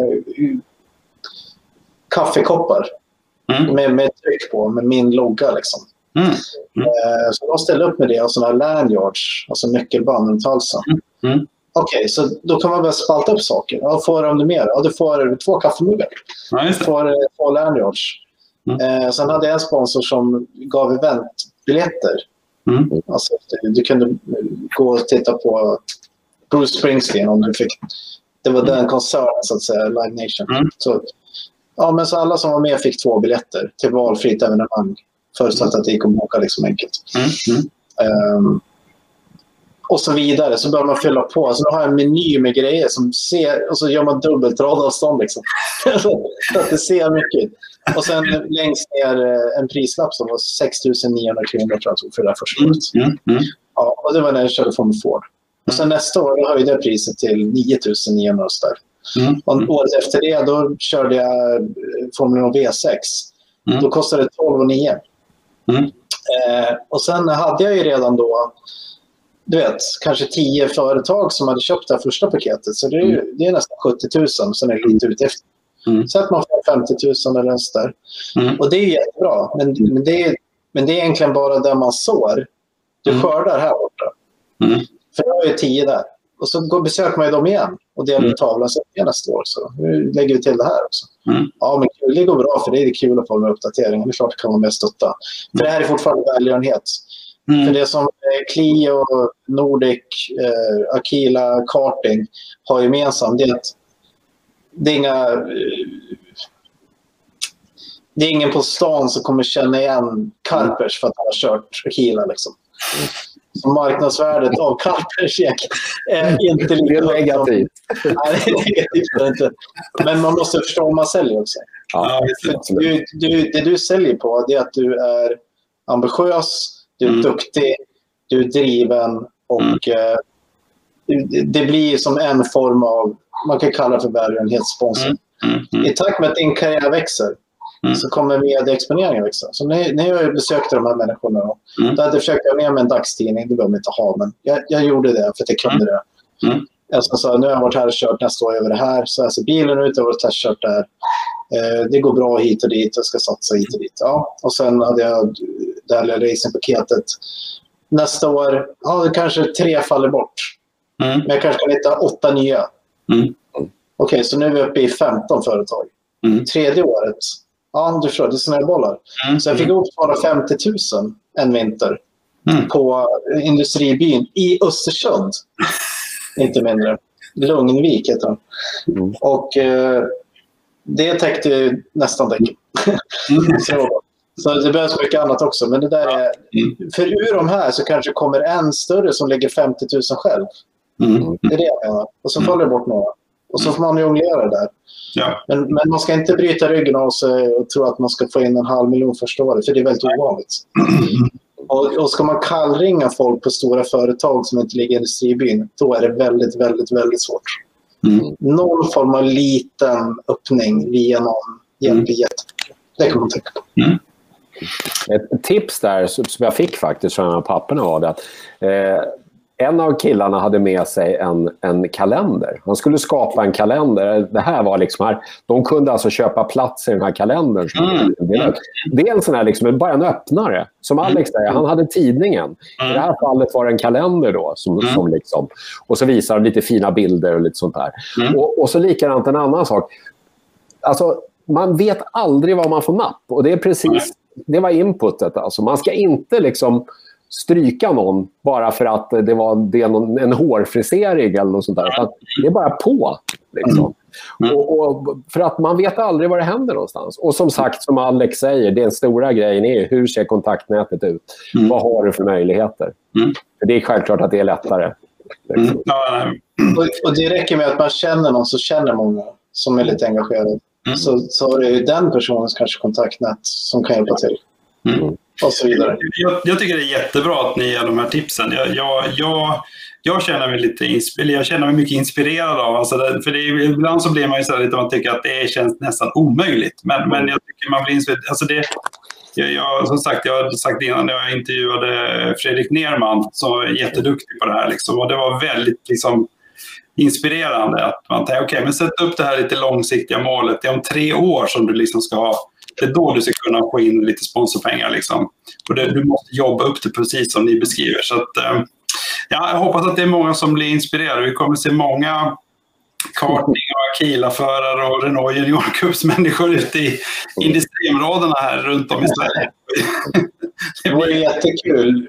Det som alla vi har gemensamt som är med här och, får vara med och prata med dig Per, det är att alla vill att det ska gå bra för motorsporten. Exakt. Har vi fler deltagare i Clio, Akila, Genetta, Nordic, karting så gynnar det alla. För det är ett större totalt medialt genomslag också. Mm. Mm. För det som alltid har varit sant är, och tittar man på de här knepiga STCC-åren, jag vet inte om ni kommer ihåg det, när det var tävling mellan två olika organisationer. Man hade mm. en som hette TTA och SCC och så delade man på fältarna. Då slutade besökarna gå på tävlingarna. När besökarna slutade gå på tävlingarna, då slutade pressen skriva om det. Mm. Och då gick det från att vara riksnyheter till klubbgrejer i princip. Mm. Mm. Eh, har vi mycket deltagare och intresse från allmänhet, det blir det då. Just det. För det är något stort som händer. Mm. Eh, då, då är det bra för motorsport och då blir det också lättare att dra in sponsorer. Vem visste ens att det fanns? Så, så kan man inte säga. Men när jag höll på så mm. var det en tjej som hette Karolina Klöft som höll på med kvinnlig sjukamp. Mm. Det var inte någon liksom, top notch-grej när folk gick och tittade på friidrott. Mm. Men hon var ju stjärna. Mm. Och sen vill alla börja med sjukamp. Liksom. Mm. Det, det, finns en rad sådana exempel. Björn Borg och Stenmark. Mm. Vad hade Stenmark för inverkan på skidåkning i Sverige på 70-talet? Ja. Liksom... Ganska stor. Liksom. Ganska stor. Ja. Och Björn Borg och helt plötsligt så alla hemma på garageporten och vevade tennisracket. Mm. Eh, det gäller racing också, såklart. Mm. Om vi kan mm. komma dit. Mm. Ja, nej, men det här är viktigt. Det här är väldigt viktigt för, för sporten. Eh, om vi går, nu går vi in på Akilan här. Eh, om vi bara har en, går igenom lite grann. Om vi säger nu, ni två är ju engagerade i detta, det förstår vi. Eh, är det några andra som är engagerade liksom på, en, på en tävlingshelg man säger, i Sverige? Eller vilka, vilka finns det annars runt omkring som, som stöttar de som kör till exempel? Eller är det ni som är kärnan i teamet? Så här då. Eh, mm. Vi tar med oss mekaniker till banan mm. som är avsedda för att hjälpa alla som behöver hjälp. Mm. Plus skriva de bilar vi har med oss åt andra. Eller till exempel när Micke kör mm. så mm. behövs det kanske någon extra mekaniker. Mm. Nej, jag gullar ju rätt mycket med bilen själv i och för sig. Om vi ska, om vi ska behöva byta någonting. Men... Ja, ja. Jag blir ofta extra mekaniker också. Ja, men så här är det i alla fall. Mm. Så vi, eh, sen från början hade vi med oss stora reservdelstrailers från Danmark första året. Mm. Det blev väldigt kostsamt.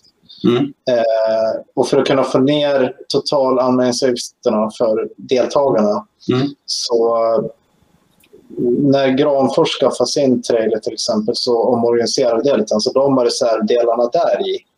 Mm. Mm den, Granfors Racing där. Så det, där är alldeles Så det ligger en massa golvbitar och kylare och det är mm. sånt som folk kan krascha sönder. Skärmar och kaross. Mm. Eh, och så, så de har den reservdelssupporten sker därifrån. Mm. Sen har vi vårt lilla krypin eh, med mekhjälp liksom. Mm. och oss som kör Ride and Drive. Mm. Eh, det är organisationen. Plus att Dan kommer från Danmark Exakt. alla tävlingar. Mm. Just det, för jag förstår också att han är på alla tävlingar. Precis. Alla, ja. han, han kör upp och han tar med sig grejer om det behövs. Liksom, mm. Fyllas på någonting i något lager. Mm. Så det finns en, en supportfunktion. Vi kan ju välja så att säga. Ja, vi måste komma ner i serieavgift till exempel. Mm. Vi, men då klipper vi bort all support Mm. Eh, vi klipper bort alla delar och all kompetens. Mm. Och det är faktiskt så att om dagen är på plats och någon sätter chassit i muren så att det går sönder. Mm. Många gånger så har han suttit och lagat det på natten. Mm. För han har med sig sådana grejer. Och, och, det har ju varit en otrolig hjälp för den som, det är som har en försäkring. Mm. Det, det, känns lite onödigt tills det händer något. Liksom. Mm. Mm. Och samma när det gäller setup-grejer och diskussioner. Jag hamnar oftast i förardiskussioner och tittar på filmer och ger körtips liksom, på olika sätt. Mm. Eller setup-råd är det mycket också. Man kan ändra inställningar. Mm. Eh, så det är väl en supportfunktion. Vi skulle kunna ta bort den, men vi... Från att ha haft den på 1A klassnivån första året, för det blev för dyrt, har vi mm. backat ner det så vi behåller samma grejer men vi gör det mer effektivt egentligen. Mm. Och där kommer vi inte pruta utan där kommer det ligga. Mm. Vi vill, vi vill ju hjälpa till och vill förbereda och vill att alla ska ha chans att komma ut hela tiden. Så därför är det mm. mm. Mm. Nej, men det, det är bra. Det, vi ska se här. Ni har eh, de här samarbetspartnerna har vi, har vi här. Nu är det väl den Ja, du får gå igenom. Vad, vad, är de här tre loggorna här? Vad står bakom dem? Jag tror den, den ena är väl eh, Formel 1000-loggan, tror jag? Eller? Ja, det ena är Akila-loggan. Det är ja. Dan. Dan är väl den stora samarbetspartnern mm. egentligen. Det är ju anledningen till att det här överhuvudtaget existerar. Mm. Sen har vi ju då den galne smålänningen här, eh, Torbjörn Ekengren bakom Racegear. Mm. Eh, och han är, han är helt fantastisk och hjälper oss med mycket, mycket rent praktiska saker. Han kom ju upp... Var det det här att vi hade fel? Vi saknade den här ellappen på bilen, va? var det inte så Alex? Eh, på det, ja, han kom ju farande liksom mitt i natten. Med, det, det, här, det är den här dekalen du måste ha. Det var någonting som inte såg rätt ut för att det var enligt dansk regler då på de vissa bilar. Och då fixar Tobbe det där och kommer farande liksom ner från Småland över natten och gör, bara levererar dekaler till oss. Liksom. Mm. Och gör otroligt mycket, otroligt stöd i Tobbe. Och han har också varit med och hjälpt klassen. På... Jag kan säga också att de förarna som kör Race Gear, ingen överraskning, säljer utrustning för racing. Mm. Och eh, alla som kör i serien har bra rabatt på du vet, overaller, skor, underställ, mm. handskar och hjälmar och sånt. Yes. Det är bra. GMF är ett danskt eh, företag som hjälper oss med prischeckarna som vi också har i serien. Det här med att man faktiskt... Vi har ju, vi har ju prispengar. Eh, mm. Så bästa, bästa deltagaren under, under en helg eh, tjänar då, eller, ja, 5 000 kronor i vinst till den som har bäst sammanlagt resultat. Mm. Eh, 3 000 till tvåan och 2 000 till trean. Mm. Och så har vi även en poolpris på en, på en tusenlapp. Då, mm. liksom. Och det är GMF med och hjälper till bland mm. annat. Då. Mm. Eh. Det är egentligen en tillval på den här tabellen som hade prispengar. Prispengar, det går ju liksom på andra hållet. Ja. Det är ju bara att konstatera, går det bra en helg, jag menar ligger du och abonnerar på första platsen, då är det inte många kronor du åker för. Liksom, Nej. Mm. Hur mycket drog eh, Joel in förresten? Vad blev det till slut? Oh, jag måste... Vad är det som tog mest pengar? Jag går in och tittar här faktiskt nu på lilla datorn. Jag kan se det. Du, du, du förde statistik på hemsidan. Jajamän, jag gjorde ju det. det, var det jag kan prata om 22, 22 000 körde han in. Oj. Ja, det är bra. Mm. Ja, det är super verkligen. Det är, ja, det är rätt fantastiskt. Det, ja, det, det, det ser vi inte inom karting än i alla fall. Det, ja. Nej, men jag måste ju säga det också. Alltså jag, det här vi pratar om att jobba tillsammans. Alltså jag ser ju... Jag tycker jag ser gröna skott överallt. Just när det gäller... Det berättade jag inte om mig själv, men jag har också varit engagerad i Järfälla, eh, mm. MK. Suttit i styrelsen där. Nästa vecka ska vi faktiskt prata om Järfälla. Okej, okay, vad trevligt. Mm. Vad trevligt. Eh, och det, det, är, det växer där ute och det är mm. jättekul. Och jag tror inte att de är ensamma om det. Alltså. Utan jag, jag upplever överhuvudtaget att intresset har ökat. Mm. Och jag undrar om vi inte har Felix Rosenqvist och Marcus Eriksson och de här att tacka för det. Mm. Faktiskt. Ja, vi behöver inte prata om det. Mm. Men, men, det går ringa på vattnet. Liksom. Ja. Och, och, folk ser att det finns, här, finns det ju, här är det kul. De får mm. förebilder. Och Det är det det handlar om hela tiden. Mm. Skapa positiva förebilder. Liksom. Mm. Mm. Yes. Ja, bilen. Alex, ska du gå igenom det? Vi har varit inne på det, men ska du bara... Absolut. Eh, hastigheten, alltså. Hur... Ja, vi river av det. Vi river av det. Ja, det är mycket frågor där. Mycket mm. frågetecken. Modellen är ju då Synergy, heter biltypen. Mm. Synergy F1000 kallar vi den för. Mm. Och den byggs av Akila, så den Akila Synergy 5000. Mm. Däcken är Yokohama 13 tum. Mm. Uh, och de, det, är, det är smala däck, de är väldigt mycket fäste i, de räcker jättelänge. Mm. Jag vet att en bil vi hade på en av pressvisningarna i fjol hade gått 700 varv på Sturup med samma sätt däck. I alla fall. Mm. Och det var liv kvar. Topphastighet, eller effekt, 93 hästkrafter. Mm. Eh, Vidmomentet i motorn är exakt helt plant hela vägen. Mm. Eh, och det gör att linjär, effektkurvan ser ut så. Mm. Och när du kör den så känner du som att du kan i princip ligga kvar på en högre växel än du tror. Så man behöver inte växla ihjäl sig. Den drar starkt hela tiden. Mm. 93 krafter låter inte mycket för någon som håller på med bilar. Mm. För den som håller på med karting så låter det ganska mycket. Mm. Men bilen är lätt som sagt. Den väger 450 nej, 430 kilo. Mm. Och sen lägger man i en förare, lite soppa och lite mm. vikt så väger den 510 när man går i mål. Mm. Topphastigheten verifierad av Joel igår. Eh, 175 kilometer i timmen hade Elias när han låg och slipstreamade på Joel. På Falkenberg. På Falkenberg. Ja, jag tänkte att Mantorp måste snabbare, men de hade väl motvind. Mm. Eh, Elias kör eh, bilen på bilden och den bilen kom ut till salu idag faktiskt. Mm. Eh, jättefint. Enormt välskött. Eh, mm. Rickard har polerat allt i metall i den här bilen med autosol och tandborste. Den är, han skrev i annonsen bättre än ni och det är inget skämt. Den är, nej, nej. Den är, du kan äta din middag på den. Ja. Eh, bromsar. Eh, ja, acceleration kan du ta också va? Ja, acceleration. 6,5 va? Har vi väl där. Något, ja, det, nej, men det, det, det är loggat. Acceleration är något man aldrig pratar om när racerbilar. Det, det, de är, anledningen de gör en start var 20 minut. Ja, nej, men anledningen till att jag säger det är just att Elias, eller Joel hade tydligen loggat 6,5 ja. sekund, sa han. Mm. Ja, det, är, det är okej för en, för en 13-åring. Absolut. Ja. Mm. Eh, bromsarna Willwood eh, och de som sagt är ju, räcker hur länge som helst. Det är ett enormt bett i bromsarna. Mm. Och det här faktumet då att man försöker inte bromsa så mycket för man vill ju ha med sig farten in i kurvorna mm. för att ha vikten fram i bilen så man mm. kan svänga ordentligt. Mm. Det gör att man bromsar till och sen rullar man in ganska fort ganska ofta. Mm. Så det blir inte så mycket bromsar, bromsning och därför inte så mycket slitage men bromsarna är väldigt kraftiga. Mm. Växlar, femväxlad hållåda med synkringar. Även den från Toyota Aigo. Så man kan säga så här, bil chassimässigt, bärarm och allting, det är bespoke racing. Mm. Men alla eh, drivkomponenter typ är från en Toyota Aygo. Okay. Så för att bygga en sån här bil så måste en Aygo dö i princip. Okay. Hemtjänsten, helst har de inte sandat utanför porten. Då, då kan vi bygga sådana. Och, och eh, det gör också att komponenterna är billiga. Eftersom bilen är lätt så blir det inte så mycket slitage. Det är mindre slitage när de sitter i den här än när de sitter i Aygo. Mm. Eh, men växellådan är därifrån. Eh, att det är synklåda gör att det finns en döende konst i motorsportbranschen mm. som man kallar för mellangas. Mm. Eller tåhäl säger folk då.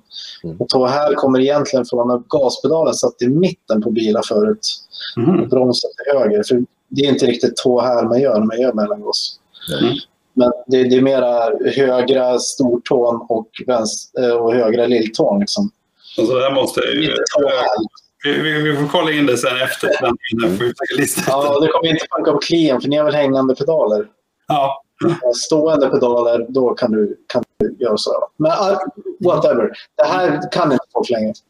Och ska du köra den här bra, då måste du tvinga dig själv att lära dig att växla ordentligt. Mm. Och det här kommer jag tänka, de behövs inte alla bilar paddlar. Nej, det har de inte. Mm. Ofta har du en seklåda. Ofta måste du lära dig att revmatcha när du växlar ner en seklåda. När jag kör Karpers 1000 eh, hästars 900 kilos Corvette, mm. jag använder inte kopplingen. Men jag måste revmatcha, så då bromsar jag så gasar jag till när jag växlar ner. Och det måste man göra här också. Mm. Mm. Eh, Okej, okay, vikt har vi pratat om. Trimning. Ja, originalmotorn har 68 hästkrafter. Mm. Den här har ett CNC-fräst insugsspjällhus mm. till de här tre cylindrarna. Mm. Eh, och sen så är den, eh, låt säga OBD-trimmad, alltså det är en trimbox till motorn. Så det är högre varvtal mm. eh, och sen så andas den bättre. Så mm. du går från 68 till 93 och det är exakt rätt. Man ska inte ha mer. Eh, det är lagom för den här bilen och för, att, för de som kör. Så att säga. Mm. mm. Säkerheten är omfattande. Eh, man ser på den här bilden, den där störtbågen bakom huvudet. Mm. De brukar skämta och säga att den är för mammorna. Mm. Och säger vad var för mammorna? Ja, så de inte ska behöva vara oroliga. Normalt sett har du en, en störtbåge som är precis bara bakom hjälmen. Ja. Här har du något som ser ut ungefär som på en Radical, det går över hela bilen. Mm. Eh, så, så, det finns en, en, en, tänkt linje mellan toppen på störtbågen och eh, punkten framför hjälmen. Mm. Du ska kunna lägga ett rör över där utan att slå i huvudet. Just okay. när du voltar så ska inte hjälmen slå i backen. Mm. Eh, så det är en grej. Sen är monokocken väldigt väl tilltagen. Den har en separat kraschbox. Den ser man inte för den är under karossen. Mm. Monokocken slutar inför där det vita börjar uppe på huven på bilen. Mm. Och sen framför det här röda och svarta ner till det vita på nosen. Där sitter en löstabar kraschbox också som är ren kraschstruktur. Mm. Och det är en aluminium honeycomb-konstruktion och inte en rörram. Som när jag körde Formel Ford. Mm. Eller när vi kör Carpers bil faktiskt, så är det rörramsbilar. Mm. Och det är ganska vanligt. TTA-bilarna som var racerbilar i Sverige när STCC fallerade, det var ju också rörramar. Mm. Mm. Det är det vanligaste sättet att bygga en, en riktig racerbil på. Mm. Problemet är att det har inget genomslagsskydd alls. Utan det går i rör bara så, så går det ner där. Mm. Och kommer en bärare farande, då får den i benet. Vilket har hänt mig och andra som har kört Formel Ford till exempel. Mm. Åker in och slår in i ett hjul, då får den bäraren genom benet. Liksom. Okay. Eh, I bästa fall genom overallen precis under knät. Liksom. Det kan hända också. Mm. Eh, det slipper man när man har en, eh, en honeycomb monocoque som är eh, aluminiumplattor med wellpapp, aluminium emellan och sen aluminiumplattor igen. Så det är en solid struktur. Liksom. Okay. Så, det, så det är om säkerhet. Sen har du ju det vanliga med sexpunktsbälte. Vi har en, en stol som folk även gjuter egna ilägg i. Mm. Med två komponenter skum som från formgjuten stol. Mm. Mm. Eh, och sen är det en sån där avtagbar ratt. Mm. Eh, brandsläckarsystem mm. såklart. Och det, ja, det, det är vad det är på. Det, det är att jämföra med andra liknande racerbilar. Liksom. Mm. Mm. Det är ingen som egentligen har gjort illa sig. Vi har haft ett par otäcka olyckor Mm. Eh, som hade kunnat sluta illa. Liksom. Men bilen, dels hur den är byggd och sen att vi har täckta hjul, mm. gör att man heller inte klättrar på den. Och det är anledningen till att vi får köra den från 13 år. Mm. Eh, när det, innan man fick boxa på kartan, om vi backar tillbaka 20 år mm. drygt, så var det vanligt att man hakade hjulen, klättrade och voltade till och med på andras hjul. Mm. Och det upphörde ju nästan helt när man fick boxarna. Mm. Eh, Formelbilar har alltid det problemet att eftersom hjulen sticker ut så räcker det med att du nuddar någon. När jag körde Formel Ford, om du nuddar någon bara lite grann så antingen så slets hela hjulupphängningen av eller så mm. följde bilen också med. Mm. Eh, det var ju varje helg det hände. Ibland mm. voltar folk upp och ner i luften och bara klota. Liksom. Mm. Mm. Med de här bilarna, när man kör på varandra lite grann sådär för att det blir missförstånd och bromsar för sent mm. eller de är barn liksom, i princip som kör så blir det bara en liten touch sådär och sen fortsätter de köra som att inget har hänt. Lyckligt mm. ovetandes på det viset. Mm. Mm. Uh, så det, det, måste man säga är en bra passiv säkerhet. Mm. Uh, elektronik, ja det sitter en liten dash framför ratten. Mm. Och där ser du varvtal, motortemp och oljetrycksbortfall. Mm. Sen är det tillåtet att köra med en datalogg som är eh, inte egentligen ha hand om motorparametrar utan lite som på en go-kart. Att du kan använda graferna sen för att ta reda på vad du gör bra och dåligt. Mm. Eh, dock, när man sätter på en sån så kan vi tvinga dem att lämna in data som vi misstänker att någon har gjort någonting. Okay. För att analysera hur fort bilen går. Mm. Men eh, det har vi inte behövt göra. Nej. Men jag säger det nu, Precis. Vi kan ta ert data och analysera sönder. Men ofta sitter ju grabbarna själva och kikar och jämför med varandra. Sen fick vi en kommentar här från någon som vet. Rickard Adelstam, Akilla F1000 är ett sätt att nå podium på prestation och inte plånbok. Ja, och det är alltså pappan då med tandborsten och autosolet som är det. Och, och, vi skämtar inte, han gör det. är, är det autosol? Rickard är fantastisk.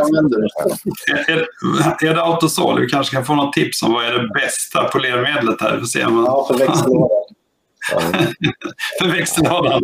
Ja. Nej, det, det, Kolla bilderna på deras växellåda, sen det ligger den där säljannonsen. Ja, den är, helt, den är vacker. Den är vacker. Vi får absolut länka upp den här sen eh, efter sändningen här så får vi fixa det. Ja, den är, jag, jag, det, det äh, vad heter det, vi kan ju, jag måste säga, jag tycker den är väldigt snygg. Jag tycker den ser cool ut. Men jag har ju hört folk som tycker att nej, det, den ser liksom konstig ut på något vis. Men, mm. men jag måste säga, när man ser eh, jag har ju sett, eftersom man kör på samma tävling, alltså juniorcupen, så har jag ju sett en hel del race. Och jag menar, eh, jag, jag tycker den är jättecool. Um, låter coolt tycker jag också. Mm. Faktiskt, det är lite coolt. Uh, nu ska vi se. Autosol till monokocken får vi här som ett... Uh... okay. ja, ja. Tack Rickard. Ja, då kan man säga att monokocken den ser man aldrig. Den är helt... Rickard bangar inte. Det är mer en känsla liksom. Man vet. Ja, ja. ja. Har man gjort det, då har man gjort allt. Ja, verkligen. Ja. När man, när man, eh, om man nu liksom går med här och, och, och man vill köra, liksom, måste man vara med i något team eller något sånt? Eh? Och den här frågan kommer lite grann från när vi pratar Formula Nordic där det, det, det är valfritt. Men där är det en del som är med i team och så. Men, och det finns en del team som är kopplade till klassen. Men hur är det på Akila? Nej, det behöver du inte kan vi säga. Mm. Eh, mm. Det finns ju givetvis stöd att få i team. Det, mm. det, vi, har, vi har team eh, mm. i klassen. Och mm. du kan då få till exempel tillgång till till exempel då Granfors, om du kör i det teamet, så kan mm. du få tillgång till exempel till Joels data på vissa på banor och så vidare. Så man kan liksom, man, hjälper, man jobbar inom teamet och hjälper varandra att bli bättre. Liksom. Det är den fördelen du har av teamet. Visst heter det Gran Force? Gran Force. Ja, precis. Of course. Jag yeah. tycker det är rätt coolt. Jag gillar det. Häftigt. Ja, ja jag tycker det är kul. Ja. Jag vill säga så här. Det är exakt som karting. Du, mm. du kan rocka upp med ditt partytält och köra. Mm. Och fördelen är att gör inga dumheter så behöver du inte ens mecka, du behöver bara tanka. Mm. Så enkelt är det.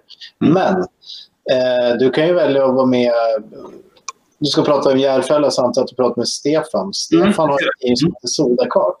Mm. Så du kan välja att vara med i ett sånt team. Mm. Och sen finns det olika nivåer. Det finns team som bara innebär att du hyr in dig i ett tält så har någonstans att vara, slipper släppa runt på tält och riva och sätta upp. Eller så kanske det är så här att du är med i ett team som äger bilen som du ska köra. Just det. Några sådana team har vi inte. Vi Nej. centralt kan ju driva bilar, då är det ride and drive. Då kan man ju säga att man är med i teamet, i mm. på något vänster. Liksom. Just det. Men riktigt så flashigt är det inte som det låter. Men I vart fall så, de flesta är privatister och kommer med sina gokartgrejer. Eh, just Adelstam som har figurerat här nu, mm. de har ju Kalanka-bussen som man kallar den för. Mm. Som är en eh, modifierad husbil eh, som man har till både karting, så när man kör kart och så karten där. Mm. Och när han kör eh, Akila så har han faktiskt lyckats modda så att han får in Akilan i husbilen. Så han rullar ut den istället. Så, så det är, för dem är det alltid samma sak. Och de mm. kan ju också vara lastade liksom, och stå där som bara drar iväg. Mm. Mm. Cool. Nu fick vi en fråga här från Mikael Karlsson. Det är licens. Vad är det för licens? Viktor Karlsson. Mm. Jo, eh, licens.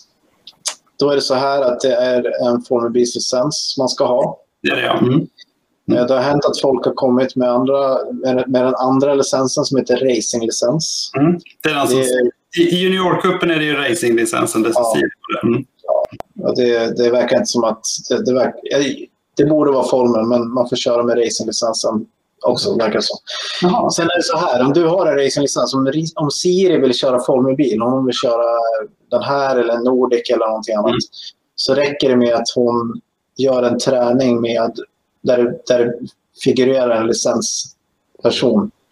Okay. Eh, och sen får hon klassa upp sig. Okay. Så om hon har jämfört en, en bra träningsdag, mm. då har hon alltså en formellicens.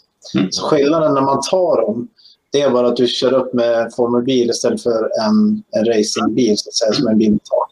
Mm. Därför ska man alltid, oavsett vad man har tänkt göra, ta formellicensen mm. om, det, om det går.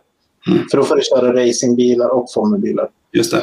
Mm. Så, annars får du egentligen bara köra racingbilar. Men som sagt, har du racinglicens så räcker det med en träningsdag med en mm, eh, licensutbildare på plats. Mm. Eh, så, så, kan ni stämma av det sen och sagt, visa hur det gått och sådär. Så kommer man mm. utfärda en uppgradering till formellicensen. Det har vi haft ett antal som har gjort, så det vet jag. Mm. Ja, jag, kan ju, jag kan ju fylla på där bara för mm. att jag kollade faktiskt upp det där idag åt en glad sportsman-kille som funderar på att komma in och köra. Och det finns eh, licens, att, eh, licenskurser planerade mm. faktiskt, både på Knutstorp, jag hittar inte riktigt datumet på den, men jag tror att den är i april. Sen har vi Gelleråsen 10 april. Kan vi inte lägga ut det sen? Ja, det kan vi göra. För att, eh, det är faktiskt, jag tror det är fler som undrar just när det finns de här licenstillfällena. Så att, ja. Eh, jättebra vi kan... SSK har ju också träningshelgen där, 16-17 april. Mm. Kör ju, pratade med Anders idag. Okay. Dahlgren om det. Mm. Och, och det, där kan man också ta licens. Det är mm. de planerade och de kommer nog troligen att köras trots oavsett hur, vad som händer med corona. Okej, okay, vad bra. Mm. Därför det, var... det, kan vi, det kan vi lägga ut. Absolut. Ja, jättebra. Det fick... är bra också om de som eventuellt tittar eller läser det sen kommer med de data som de vet om. Mm. Tyvärr finns det ingen eh, liksom, lista som alla fyller på. Det vore bra att ha en sån. Mm. Nej, det, jag har själv märkt det där. Det är svårt att veta när man kan gå licenskurs. Jag har fått en väldigt fin kommentar från Rickard Adelstam som säger att alla är försteföre i Akila. Eh, och att eh, Dan och Alex får se alla med den info man önskar utan undantag, vilket känns fantastiskt. Med det sagt så behöver man inte vara i ett team, för Akila är teamet. Så det var ju väldigt fint sagt. Det var ett smart sätt att formulera det på. Mm två meningar istället för som vi, eller jag i alla fall. Vi sitter och orerar här och Rick, Rickard bara kommer med den ena, ena eh, sloganen efter den andra. Liksom. Ja, men det är lätt att sitta vid sidan om. Ni sitter i direktsändning. Det är klart att eh, ja, ja, det, det är som att ringa in till något frågeprogram på radio. Vet du. Ja, precis. ja, men då vet vi det om teamet. Jättebra. Då har vi... Eh, om vi pratar lite om förarna nu och vi kommer gå igenom lite vilka som kör och så här. Vad, om vi, men vad kräver ni av förarna? Eller har ni några krav på förarna? Och, och liksom, vad får förarna av att köra Akila? Jag vet inte vem som vill börja. Ja, krav av förare. Hur tänker du där? jag tänker liksom, ja, ni måste sköta er. Ni får liksom inte gå och säga dåliga saker i pressen. Och... Ja, okej. Okay. Ja. Uh, ja, låt mig säga då att jag håller förarna ansvariga och jag talar om för dem när det behövs. Okej. Okay. Eh, och sen har jag ett ganska fint samarbete med SSK när det gäller den här biten. Mm. Och uh, tävlingsledningen. Det vill mm. säga när, när de har ett problem som till exempel så var det för många som körde lite för fort på gul flagg. Mm. Och då efter racet så blev jag kallad till tävlingsledningen. Okej. Okay. Ja. ja. Jag tänker när, när jag är på en bana och inte tävlar så borde jag inte bli kallad. Men jag blev kallad så var det Börje då, som är en av de absolut vettigaste personerna i Sverige i regel. Och eh, han förklarade... Börje Blomén. Ja. Mm. Tävlingsledare. Eh, tävlingsledningen är den som beslutar om bestraffningar och så vidare. Har du ett problem med det sen så kan du överklaga det, men du överklagar sig till domaren, domarjuryn, som mm. tittar på, för, för, eh, tittar på det externt, så att säga. Ja. Går igenom allting. Som en liten rättegång. Mm. Dit vill man inte hamna helst. Men jag blev uppkallad och sen så sa han det här hände, vi har de här rapporterna här. Mm. Eh, istället för att jag ska gå och skälla ut alla nu en och en här nu, här uppe. Så ta med det här ner och så tar du med dem på riktigt. Liksom. Ja, Så jag fick möjlighet att ta, ta det med dem. Nästa gång det blev gul flagg i en kurva så körde de allihop i krypfart förbi sen. Så det var jättebra. För det här är ju allvarligt. Funktionärerna ja, verkligen. Det, det är enda gången det blir riktigt farligt är när man bärgar någon eller är funktionär på banan. Mm. Mm. Men, men så den biten när det gäller säkerhet och uppförande, mm. det brukar vi försöka gå igenom. Mm. Titt som tätt i alla fall. Speciellt första säsongen. Det var ju många som var ny och eh, många av dem körde även andra säsongen sen. Så de flesta hade varit, varit med så att säga. Mm. Uh, sen vad får förarna av att köra i Akila? Det, jag kan säga en grej man får. Det är att man blir duktig på att köra. Mm. Uh, det finns vissa bilar som man kan säga så här kan man köra en sån bil så kan man köra allt. Mm. Akilan är lite så. Mm. Eh, då menar jag så här, om du kan köra den fort, om du lär dig att bryta runt den bilen rätt, mm. då är du väldigt väl rustad för alla kommande bilar. Mm. Vissa bilar är lite för lättkörda i mm. juniorklasser. Mm. Och då blir det liksom, kan det bli snett senare. Mm. Men den här sån här bilen, den, körs, den är lättkörd om du kör en moderat fort. Mm. Men ska du köra den jättefort, då är det jätte, jätte, jättesvårt. Mm. Och det är utmanande för föraren, så de måste lära sig. Man mm. måste göra små justeringar på bilen för att se till så att balansen är rätt genom kurvorna. Mm. Och föraren måste tänka på sånt. Man måste prova. Mm. Och sen är det balansakt. Och alla bilar som har sådana funktioner, man måste balansera den väldigt mm. mycket. Eh, det, det, för framhjulsdriven bil så är det ju hur mycket överstyrning har jag råd att ha mm. innan jag börjar tappa den. Det är mer överstyrt desto bättre. Så jag kan ha ratten så rakt som möjligt i kurvorna, inte på mm. däcken överrätta dem. Eh, på, på bakskrivna bilar så är det ju en övergripande balans. Och i akilerna speciellt, om det här är gasläge, om det här är noll och det här är 100% gas. Mm. Om du kör i kulle och kommer på baksidan, upp på kläppen där och svänger omkring så, så är det, du bromsar ingenting där.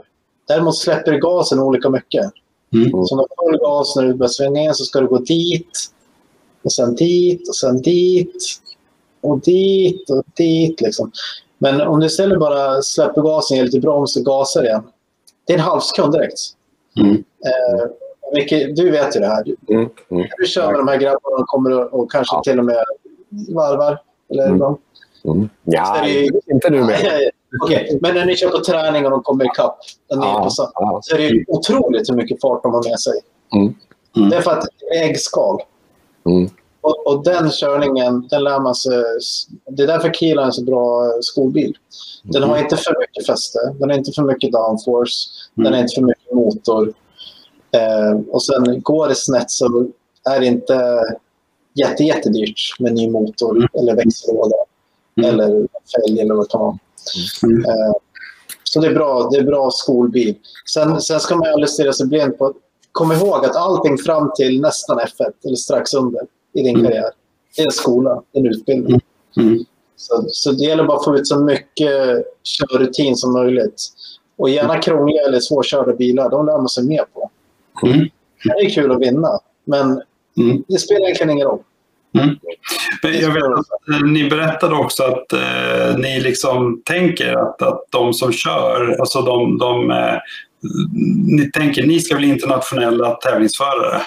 Mm. Det, det, hantverket om vi kallar det för det. Mm. Så eh, en av de första grejerna vi lyckades göra, det var tillsammans med SPF som var med och supportade den mm. delen av utbildningen, om vi ska säga det. Mm. Var att vi hade ett föreläsningsprogram. Och eh, där jag hade ett par föreläsningar inom det område jag kan. Sen var det eh, ett antal andra föreläsare, så jag hade en per helg. Mm. Och det var ju även det var Akila och det var Clio som var med även på ett par av de här. Mm. Eh, och då gick vi igenom saker som hur kör man fort? Det, det tycker jag är det viktigaste. Mm. Eh, men det var även en hel föreläsning om just sponsorer och hur man kan tänka där. Mm. Lite det vi berörde tidigare. Typ. Mm. Mm. Ja, och sen eh, förares historier om, och exempel på hur de har lyckats. Mm. Sen hade vi en jätteviktig träff som vi såg till att ta vid tillfälle när många var med. Mm. Det var, vad förväntas av en förare som mm. gör en internationell karriär och kommer ut i helt plötsligt som Joel nu då, som ett aktuellt exempel som åker ner till, åkte ner till Holland och testade Formel 4-bil. Mm. Eller var det Formel 3? Nej, det var Formel 4. Formel 4. What, whatever, det kan ha varit en Clio. Det var Formel. Ja, han körde, ju, han körde ju Formel 4 i Danmark också. Ja, mm. exakt. Och mm. eh, då tänker teamet så här, okej okay, nu kommer någon kille från Sverige som har kört. Och så kommer man dit, vad förväntar sig av honom? Mm. Vad, hur jobbar de? Mm. För då är det inte riktigt samma sak som när du är med farsan på, mm. på gokartbanan eller i Clion eller Akilan. Nu är det ett professionellt team. Det är en kille som bara har hand om datorn. Det är en som bara håller på med som ingenjör. Det är två mekaniker och en teamchef. Mm. En kock. Liksom. Och så är de där bara för att du ska köra. Just det. Mm. Vad, vad är din roll? Ja, du ska mm. köra bilen, men sen då? Mm. Så hur rapporterar man av det här? Eh, och vilket format är det som är universalt gångbart? Då? Mm. Det, det är vad jag kallar för förarkartor och det känner alla i vår klass till vad det är vid det här laget. Mm. Där man betygsätter bilen från 1 till 5 med övrig understyrning och balansproblem och sen kan man på baksidan av samma papper ha en lista på hur är miljön i cockpit, backspeglar, växelspak, gas, broms, stol, bälten. Mm. Eh, drivlinevibrationer, mm. bromsvibrationer. Allt sånt här som en mekaniker behöver veta. Mm. Och den andra sidan är allt vad ingenjören behöver veta för att ställa in bilen för att du ska kunna köra så fort som möjligt. Mm. Och det här är samma vart, vart jag än har kört i världen. På vilken nivå det än är så länge det är hyfsat hög nivå. Mm. Så dyker upp ett sånt här papper. Mm. Och så ska du fylla i det. Hur fyller man i det? Vad är det de vill veta? Vad leder det till? Mm. Så det, det gjorde vi. Sen skrev vi alltid ut sådana här kartor. Så den som vill ha kan komma och hämta en, fylla i, gå till oss i form av ingenjörer. Du är med idag. Och visa, det här, så här är bilen nu. Mm. Vad ska jag göra? Ja, till att understyr bara i vänsterkulorna till exempel. Ja, då är det dags att kolla corner weighten. Du kanske har för lite vikt på vänsterfram. Så enkelt kan det vara. Eller så är det så här, ja, den, är väl, den, den styr en väldigt fort och är nervös bakvägen i klubban, men understyr ut. Mm. Ja, då är det en dämpad fråga till exempel. Mm. Eller så har du generell överstyrning överallt. Kanske bilen är för hög bak för att sänka den. Mm. Mm. Och så vidare.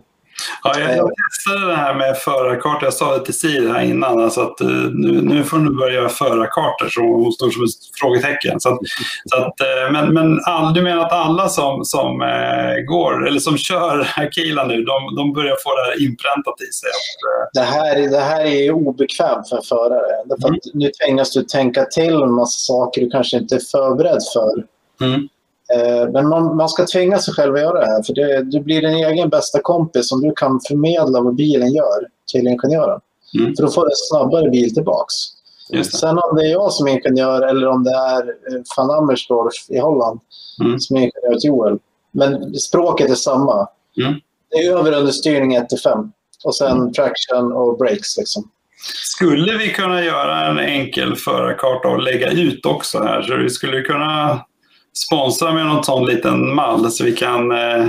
Mm. Absolut. Det kan jag göra. Ja, det är schysst. Super. Ja. I alla fall något konceptuellt hur man liksom jobbar med det. Det har varit superkul. Mm. Um, förare, ja. Här, eh, jag, gick, jag gick in på sidan här, tog eh, resultatlistan från eh, 2020. Och eh, jag hittade ju bland annat eh, vet det, Mikael hittade jag på nionde plats. Eh, och, och, bara förklara det här igen. Alltså det finns en, en sportsman-klass. Man kör samtidigt, men ja. vad gäller? Vilka åldrar är det som... Eh, ja, du har ju det, dels har du ju, du har ju så att säga juniorklassen då, eller mm. vad ska vi kalla den för? Juniorklass? Jag, jag är inte juniorklassen, det är cupen. Nej, det är kuppen. Jag är inte komfortabel med det här med juniorklass. Men, absolut. men det, är själva, det är själva kuppen. Mm. Och där får, du, då får du ju, där får du börja köra från, vad är det nu Alex, från det år du fyller 14 va? Men dispens på 13. Yes, och yes. dispensen kommer grundas på om du ramlar in från nattklubben dagen innan och har racinglicens är är 13 så kommer du inte få köra. Mm. Däremot, om du har en gedigen motorsportbakgrund och visar att du är säker på träning, då kommer du få en dispens. Mm. Då får du köra. Så du kan köra om du är 13. En nybörjare som är 13 kommer inte köra. Däremot någon som har kört kart mycket, mm. mer än troligen kommer att få köra. Mm. Ja, så, så serien är ju från 13 uppåt, kan man ju säga. Ja. ja. Och så är ju en, en, en undre åldersgräns, men ingen övre. Så kan du välja vilken du vill köra i. Så ja. Karper ska köra i huvudserien om man vill. Mm. De måste köpa samma villkor som ungarna. Mm. Det vill säga, då ska bilen väga... Man, man kör Sportsman från 25 är det man får köra. Det är året man fyller 25 kan man börja köra Sportsman. Men för ungarna gäller ju då, som Alex har sagt tidigare, 510 kilo. Eh, eller i kuppen gäller 510 kilo vid målgång. Mm. Eh, och man vägs, ettan, tvåan, tre. Det är ett Park Fermé när man kommer in liksom, och vägs. Mm. Eh, Eh, sportsman däremot, då ska man kunna vara lite mer fullvuxen när man kör. Och eh, Då är det 535 kilo som man har mm. satt som övre gräns. Mm. Eh, och man får ha fristol också. Om man tycker att de här stolarna som sitter i original är, är eh, för små. Mm. Så kan man, kan man få, så får man plats. Då får riktigt rejäla killar plats i bilen kan jag säga. Det är 1,95 tror jag har kört och utan större problem. Liksom. Mm. Eh, men som sagt, från 25 år så kör du Sportsman. Mm. Yes. Mm. Ja, eh, vi kan. Ja. Den listan du har nu, det är alltså... En blandning. Ja, men det är väl serieresultatet. Mm. Så här är det inte uppdelat. Ja. Nej, precis. Det här är serieresultatet bara rakt upp och ner. Så att, eh, precis. Och eh, ja, alltså det... Jag vet inte, vill ni berätta lite om de här? Är det, är det några som är nybörjare eller är det några, så hur länge har de kört ungefär de här? Elias eh, började tävla när han var 12 mm. eftersom han inte hade fyllt 13. Mm. Och han kör sitt andra år nu, så han är nu 14. Då. Mm. Joel är 15 tror jag. Mm. Eh, William Wolf var 14 i fjol, så han är 15 nu. Mille, är han 14 eller 13? Nej, 15 ja. 15. Ja. Linus i vart fall är 13. Mm. Mille, Mille siktar ju på rally också. Det är ja. lite kul med honom. Han är lite udda där. Mm. Det är hans grej.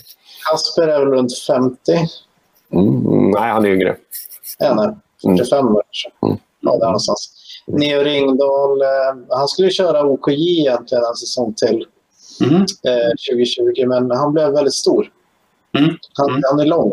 Liksom. Mm. Och då är det tufft med vickgränser och sånt där. Så han började köra i serien. Tyvärr så skadade han sig i en icke-racing-relaterad grej. Mm. Så han bröt armen eller handleden eller något sånt. Handled. Mm. Ja, han, ja, så att han, han fick sitta över andra halvan. Kevin Suensson han körde inte alla race, så han hamnade långt ner. Men han är en sån här toppförare. Och han är ungefär 20. Mm. Eh, och det är sonen till han som driver, eller som äger fabriken. Just det. Och han är vansinnigt duktig. Och han, han hamnar ganska långt över viktgränsen. Man, man kan väga drygt 80 kilo med utrustning. Mm. Och klara 5-10. Jag klarar 510 precis kan jag säga. Mm. Vad väger du då? Jag väger 83. Mm. Ja, då, det, då får jag hålla på och reglera med soppan. Jag får inte ja. ha mycket soppa i. Mm. Och inte för lite heller. Nej, Nej. man ska i mål. Sen Leo Åberg där på tionde. Han är också ny och mm. eh, ny racing och kör på dispens. Han var 13 i fjol. Mm. Och sen, de som kommer sen är lite äldre. Kevin Brandsborg vann danska serien 2020, men han körde bara en helg i svenska serien tror jag. Mm. Det var ett problem vi råkade ut för med corona var att vi är inte en svensk serie bara. Vi är en svensk och dansk serie. Och eh, första året så var det upp till sju danskar med samma helg. Mm. Men de hade problem med karantänregler om de åkte till Sverige och körde. Mm. Så det var bara eh, Kevin som körde något race och Kevin som körde något race. Och så den enda som körde lite mer reguljärt var William Wolf som kom trea. Okay. Mm. Som, också, som också kör danska Formel 4. Han har faktiskt dubblerat i år. Ja, just det. Mm. Mm. Ehm, och det gjorde att vi fick inte så många danska med i år. Alltså totalt så har det varit tre stycken olika förare som har varit med. Mm. Och i regel var det bara William. Ja. Eh, så från att gå från att kanske fem, sex, upp till sju reguljära förare till en drygt. Då. Eh, så var det kul att se att vi fick så många fler svenska deltagare. Mm. I en drömvärld så har vi ingen corona. Nej, Då precis. kanske vi kan slå ihop det danska fältet och det svenska fältet och ha 20 bilar. Det skulle vara Ja, kul. det hade varit superspännande. Mm, verkligen. Om man tittar på tävlingarna här så är det ju... Jag kunde ju konstatera att det var... Det är ju SSK, Mm. eh, SSK-kalendern, med det extra tillägget för festival här på slutet. Mm. Eh, Precis. Vad är, det för någonting, festivalen? Ja, det är tydligen hemligt ens vilken bana det är, men det är Gelleråsen. Ja, Ja, Okej. precis. Mm. Så vi, den är inte en del av eh, den reguljära kalendern. Men vi gillar ju det här med festivaler. Liksom. Ja, ja, ja. Det är lite Formel Ford-nostalgi. Så här, efter säsongen, om du inte vann eller kom på pallen som du ville så har du en chans till i en fristående tävling. Mm, mm. Så är det tänkt. Liksom. Mm. Eh, och sen vill vi ju köra mer race bara. Vi vill Mm. att alla ska köra så mycket som det går. Mm. SSK med sex helger tycker vi är utmärkt. Men vi, vi, folk kommer från karting och de vill köra 15 helger. Mm. Eh, och det gör man inte i racing. Eh, liksom, inte på nationell nivå. Så Mm. eh, vi, vi vill göra i alla fall ett racing. Och det är det. Mm.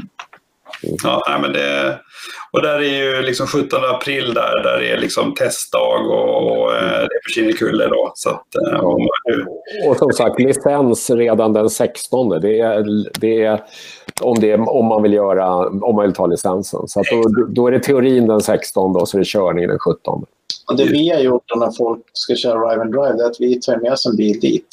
Mm. På licensdagen också. Så kan ju folk använda den för uppkörning och träning. Schysst. Eh, vi har några frågor eh, kvar här. Ehm, och ehm, om vi pratar om klassen år 2021. Vad har ni för mål? Har, finns, har ni sagt något liksom, mål för 2021? Alltså, det är ju lite corona. Det är corona. Vi- Vi, hade ju, vi hade ju ett mål att försöka vara 20 startande eh, Mm. 21. Eh, men eh, ja, eh, det vi får väl se hur det går. Det beror Mm. lite grann på hur, hur, eh, vad som händer nu. Mm. Ja, nej, men det, det kommer vara svårt. Ja. Mm. Mm, det. Ja, kommer inte vara svårt vara 20, det är inte det jag menar. Men det, men det kommer vara svårt med corona. Man vet inte, det, det, det är oförutsägbarheten som... som Mm. Ja, men ni får återkomma till det. Vad ni, nu, nu har ni ju liksom brandat om lite. Det är ju också en... Mm. en sak. Vad sa du? Det är bara ett namn. Jag vet inte om det är så stor skillnad för utövarna. Men, eh, målet var så här. Det hade varit kul om det var 10 år ett. Tänkte jag Mm. började. Mm. Mm. Och 15 år 2 och 20 år 3. Det är rimligt och det, får ta, det tar alltid lite tid. Det vi inte Mm. räknade med var ju corona. Vi hade lätt varit 15 konstant i fjol om danskarna hade kunnat komma med. Och till i år så hänger det kvar med osäkerheten. Så att Mm. Det finns ingen mer mål. Målet är alltid att ungarna ska bli duktiga. Ja. Mm. Det är det vi fokuserar på. Jag tycker det är jättekul att vi börjar få ut de här nu som egentligen första års första utexaminerade kilaförarna Mm. Mm. börjar komma ut. För Mm. danskarna tänker att eh, de, de hade redan börjat. De hade kört i Danmark innan. Mm. våra svenskar, det är Joel och Elias till exempel och Milla. Så här. Mm. Se hur det går för dem nu när de har gått våran skol. Mm. Ja, det blir grymt spännande. Alltså. Det. Mm. Mm. Så det är målet tycker jag. Det är Mm. första det är för klassen finns. Mm. Det är inte vem som vinner här. Det är vem som får all erfarenhet de behöver för att komma vidare. Precis. Mm. Mm. Mm. Ja, nej, det... Ja, väl talat. Jag håller har, med. man roligt under tiden på något vis. Mm. Eh, nu är det lite mer personliga frågor då. Förebilder. Och jag vet, eh, Mikael, du ska få frågan först tänkte jag. För du, du, du kliade lite i huvudet när vi pratade om det. Ja, ja, jag, jag, är, alltså jag är dålig på det där med förebilder. Men jag, jag, jag är väl sådär att jag kan betrakta väldigt många olika människor egentligen Mm. och, och fundera på det där gör den där personen väldigt bra. Mm. Undrar om man skulle kunna lära sig att göra det där, bli, bli bättre på det där själv. liksom. Mm. Men jag, jag funderade på, på det här och nu ska jag ju säga, det är så här. En, det finns ju en kille, en förare jag har beundrat mycket. Och det är inte för att han är förare, utan egentligen förutsättningarna skapat. Det är Mikael Schumacher. För han, gjorde, han skapade sig själv förutsättningar för att lyckas i Ferrari till exempel. Mm. Och jag skulle vilja säga att en av anledningarna till att det blev fart på Mercedes också till slut, jag tror han, det var en hel del av hans jobb som låg bakom det mm. eh, innan han la av. Mm. Eh, och där, det, så, sånt tycker jag är, mm. är beundransvärt. Att du, liksom, du hamnar i en situation, du ser det här är inte bra och du vet vad du ska göra för att krana till det. Det, när man hittar sådana personer, det, det är häftigt att se. Det finns, ja, det finns ett antal sådana exempel även på, på vår nivå. Jag skulle vilja säga att du har Jocke Ward är väl en sån som har väl gjort ungefär så. Mm. Eh, absolut, den här sporten är full av väldigt många såna. Men, mm. men, och, och det är just det där, mm. hitta vad som saknas och bara veta vad jag ska göra åt det. Det är schysst. Det gillar jag. Japp. Mm. Nej, coolt. Alex, vad säger du? Jag, jag, jag, har en otippad först. Okej. Okay. Eh, Thomas Fogdö. Aha, mm. Jag är gammal slalomåkare. Jag åkte mm. från jag var fem till jag var, gick ut skidgymnasiet, så jag var 20. Mm. Så jag hade 15 aktiva år i slalom. Mm. Och han var i världscupen i slalom, alltså grenen slalom. Liksom. Mm. Eh, när jag var i precis rätt ålder. Mm. Mm. Och han hade sån jäkla ball åkstil. Det var... Mm. Alberto Tomba slängde väggen. Här var mm. Mm. Ja, inte riktigt samma galna bakvikt, men han, han hade sån fantastisk snökänsla. Mm. Eh, sen lite senare så vart han tyvärr förlamad. Mm. Efter en väldigt, väldigt otroligt tråkig grej. Mm. Eh, jag var i Åre nästan varje helg för vi bodde ju bredvid där och hade husvagnar på en camping. Mm. Där åkte mycket. Det här var i Åre. Han, han åkte på en eh, transportsträcka bara mellan två backar. Jag tror han var på väg till lunch. Mm. Där hänger man på stavarna på bindningarna och så ska skidan iväg. Landar på en stubbe. Riktigt, han, då är han bäst i världen på att åka. Mm. Mm. Så det kan ju verkligen hända alla. Och, mm. eh, eh sen när jag kom med i racinglandslaget eh, många år senare så fick jag möjlighet att träffa Thomas i form av mental coach. Mm. Mm. Det visade sig att vi bor i samma stad. Eller, jag, bor ju precis utanför Uppsala. Han bodde i Uppsala. Mm. Och det var ju skithäftigt. Alltså. Mm. Att han var inte van kanske i det läget att folk hade han som idol. Men jag, han var ju min enda idol när jag växte upp. Och, äh, det, var ju, det var ju skithäftigt för mig. Mm. Och faktiskt precis innan, något år innan vi sågs där, eller om det var ett år innan kanske, men så tävlade han i Radical under SSS-helgerna. Mm. Med handkontroller. Liksom. Okay. Han har också racingintresse. Han visste ju vem jag var därför och det var ju ännu häftigare. Så vi kom väldigt bra överens. Nu är han förarcoach ska jag säga och eh, lite mental tränare åt de som kör i Porsche Carrera Cup. Gymnasieprogram. Mm. Så han är ute på racehelgerna. Och, mm. det, det var den då. Sen när jag varit lite äldre så måste jag säga helt klart Rickard Rydell. Mm. Här har en kille som är vilken förebild på alla mm. sätt. Mm. Han är glad, trevlig, intelligent, omtänksam, odlar blommor och är jättebra familjefar. Mm. Och får ihop allt det här. Det är fantastiskt. Mm. Och han har också haft möjlighet att ha ganska mycket kontakt med genom åren. Mm. Och, eh, min bild har aldrig förändrats. Han är bara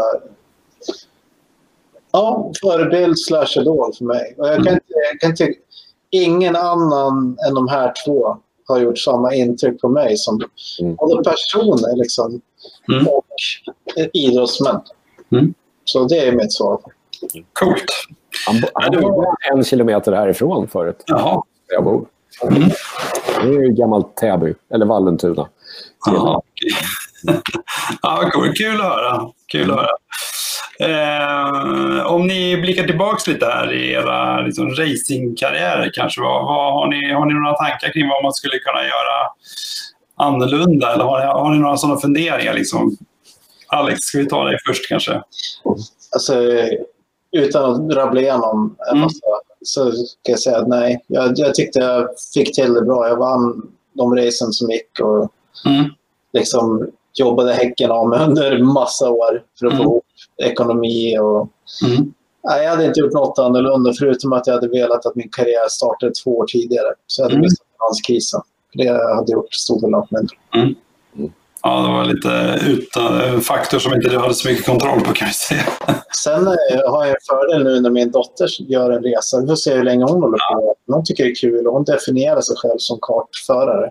Mm. Um, och då finns det en stor fördel att jag har ju ganska mycket erfarenhet av hur det funkar. Liksom. Mm. Mm. Alltså, vi fick ju lära oss när det gällde mig. Mm. Så det kanske kan vara en fördel för henne. Absolut, ja. Mm. Mikael, vad säger du? Mm. Ja, jag, jag, eh, jag skulle vilja säga att det jag tycker är bra det är att jag har äntligen börjat engagera mig i sporten mera. Eh, mm. Eh, faktiskt. Och eh, aktivt börjat titta på att, att eh, liksom, börja fundera hur mycket pengar behöver man egentligen? Hur mycket jobb behöver du ha? Hur mm. mycket tid kan jag egentligen lägga? Vad, vad, hur måste jag planera mitt yrkesliv för jag ska ha tid med Akila till exempel? Mm. Mm. Och kanske ha tid att köra mer kart själv och såna grejer. Jag tycker det är kul.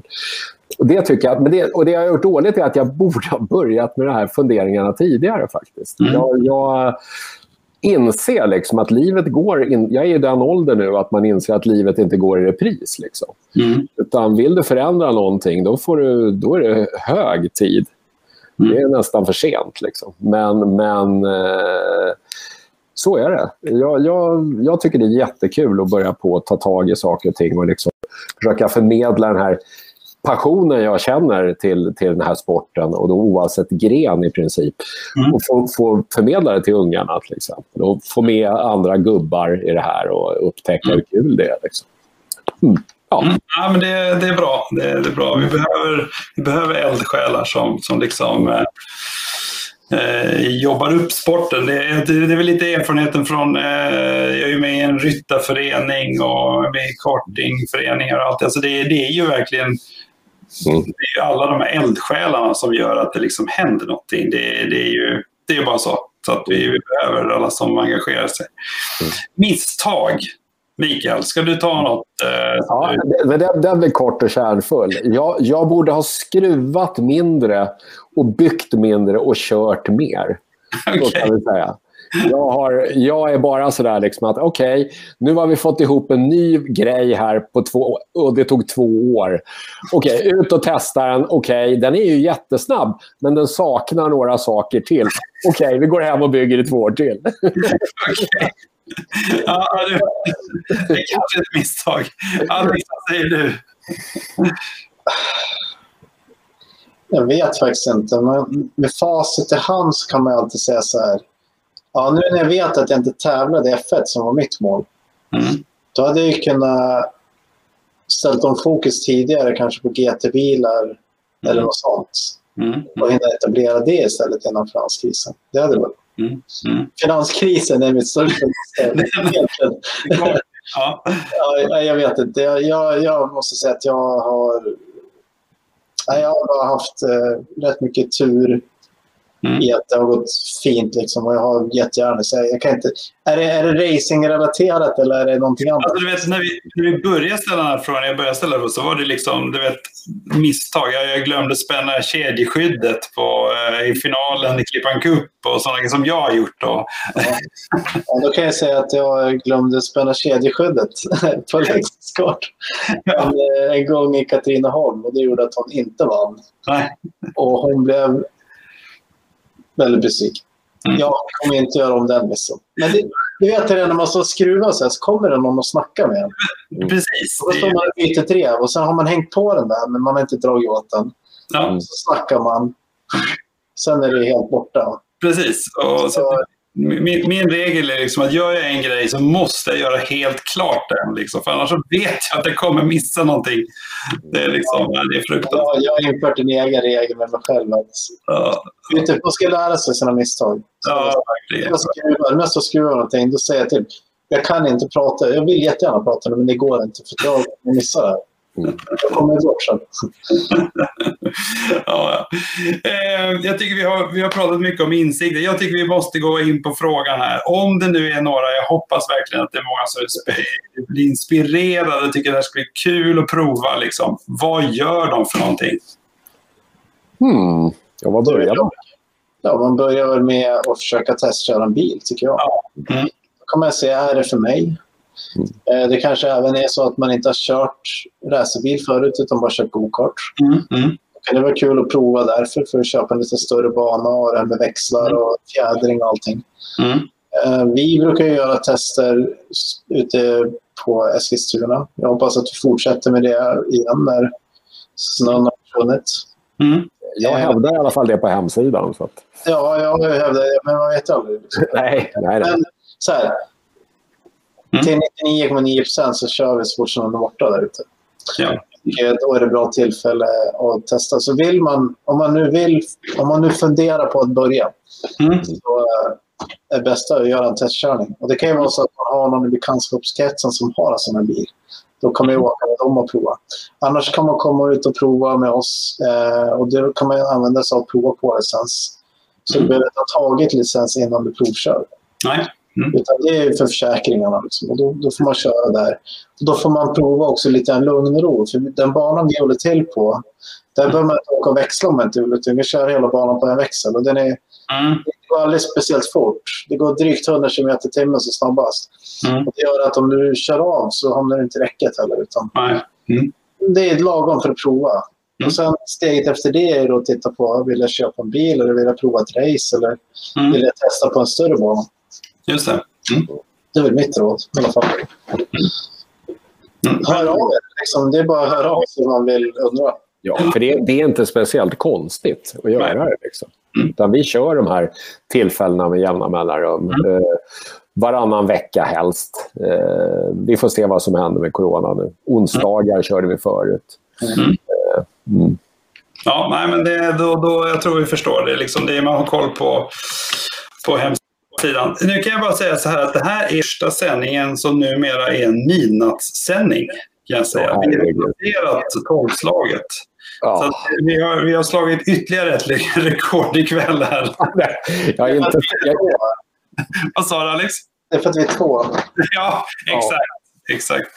Eh, jag vill hemskt gärna, eller verkligen tacka er så mycket. Men vi har ju avslutande frågan här. Om, om, vi, eh, om ni får välja liksom en person som vi tycker vi ska intervjua, som liksom kan berätta om vad klassen innebär och vad den har liksom betytt. Har ni några förslag? Ja, absolut. Mm. Eh, ja, det är ju alltså familjen Granfors eh, och mm. Kimmen då, Joakim Granfors är väl en gjuten person. För det är intressant också, tycker jag, att höra hur de angriper eh, Joels karriär här framöver. Han kan ju berätta om det också. Mm. Eh, så det finns väldigt mycket att lyssna på där, tycker jag. Det finns mycket insikter, mycket... Och han bygger ju nya erfarenheter hela tiden. Eh, mm. Likaså är det så här, ska jag säga också, om det är några som Rickard Adelstam har också sagt att vill folk fråga honom, om, mm. undra om saker och vill få något annat än bara våran eh, uppfattning om saker och ting så kan de snacka med honom också. Mm. Eh, bara så mm. ni vet. Men eh, Kimmen, har du något mer att tillägga om Kimmen? Alex? Nej, jag, nu säger du Kimmen, alltså pappa Granfors. Han, han, Joakim. Ja. så han, han är en bra person att prata med för att han mm. vet vad klassen innebär och de har ju gjort den i två år. Mm. Och eh, gått in med två förare från karting. Liksom. Mm. Och vidare. Det är jättebra. Adelstam tycker jag också är en jättebra person att höra med för de har också varit med och gjort hela den här eh, från dispens första racerna. Han är yngsta någonsin att kört Formel D-tävling i Sverige, Elias. Mm. Mm. Och Per-Rickard har ju tävlat själv och även varit med i serien och kört. Mm. Och det är faktiskt inte Kim har varit. Mm. Eller? Mm. Nej.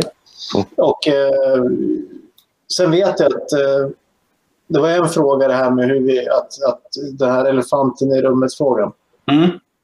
Um, och Adelstam jag också vet jag har suttit och räknat på gokartbudget utifrån både Rotax och X30.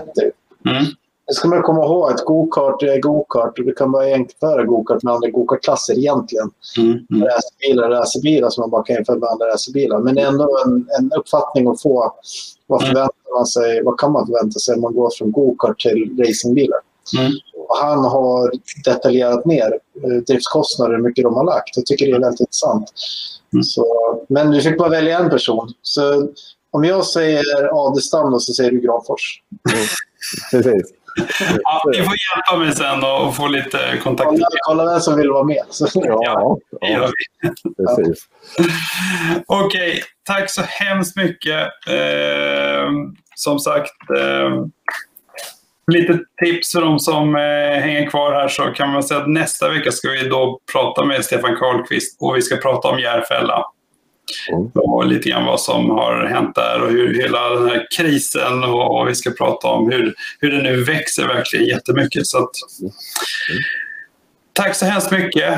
Eh, om ni bara hänger kvar där, ni klickar ingenstans så stänger jag av så kan vi eftersnacka lite grann. Nu fick vi faktiskt, här har vi Dennis, han är med oss. Bra! Mm. Tack för en rolig intressant sändning. Tack så hemskt mycket för, för de orden. Och, eh, hoppas att eh, alla som lyssnar, jag, jag är helt övertygad om att man har fått en väldigt grundlig eh, inblick i klassen och, och, inte bara bilen och kostnader utan mycket runt omkring. Så att, eh, mm. Tack så hemskt mycket. Mm. Tack ja, själv. God, god natt allihopa. God natt på er. Bara en liten stund. Ja,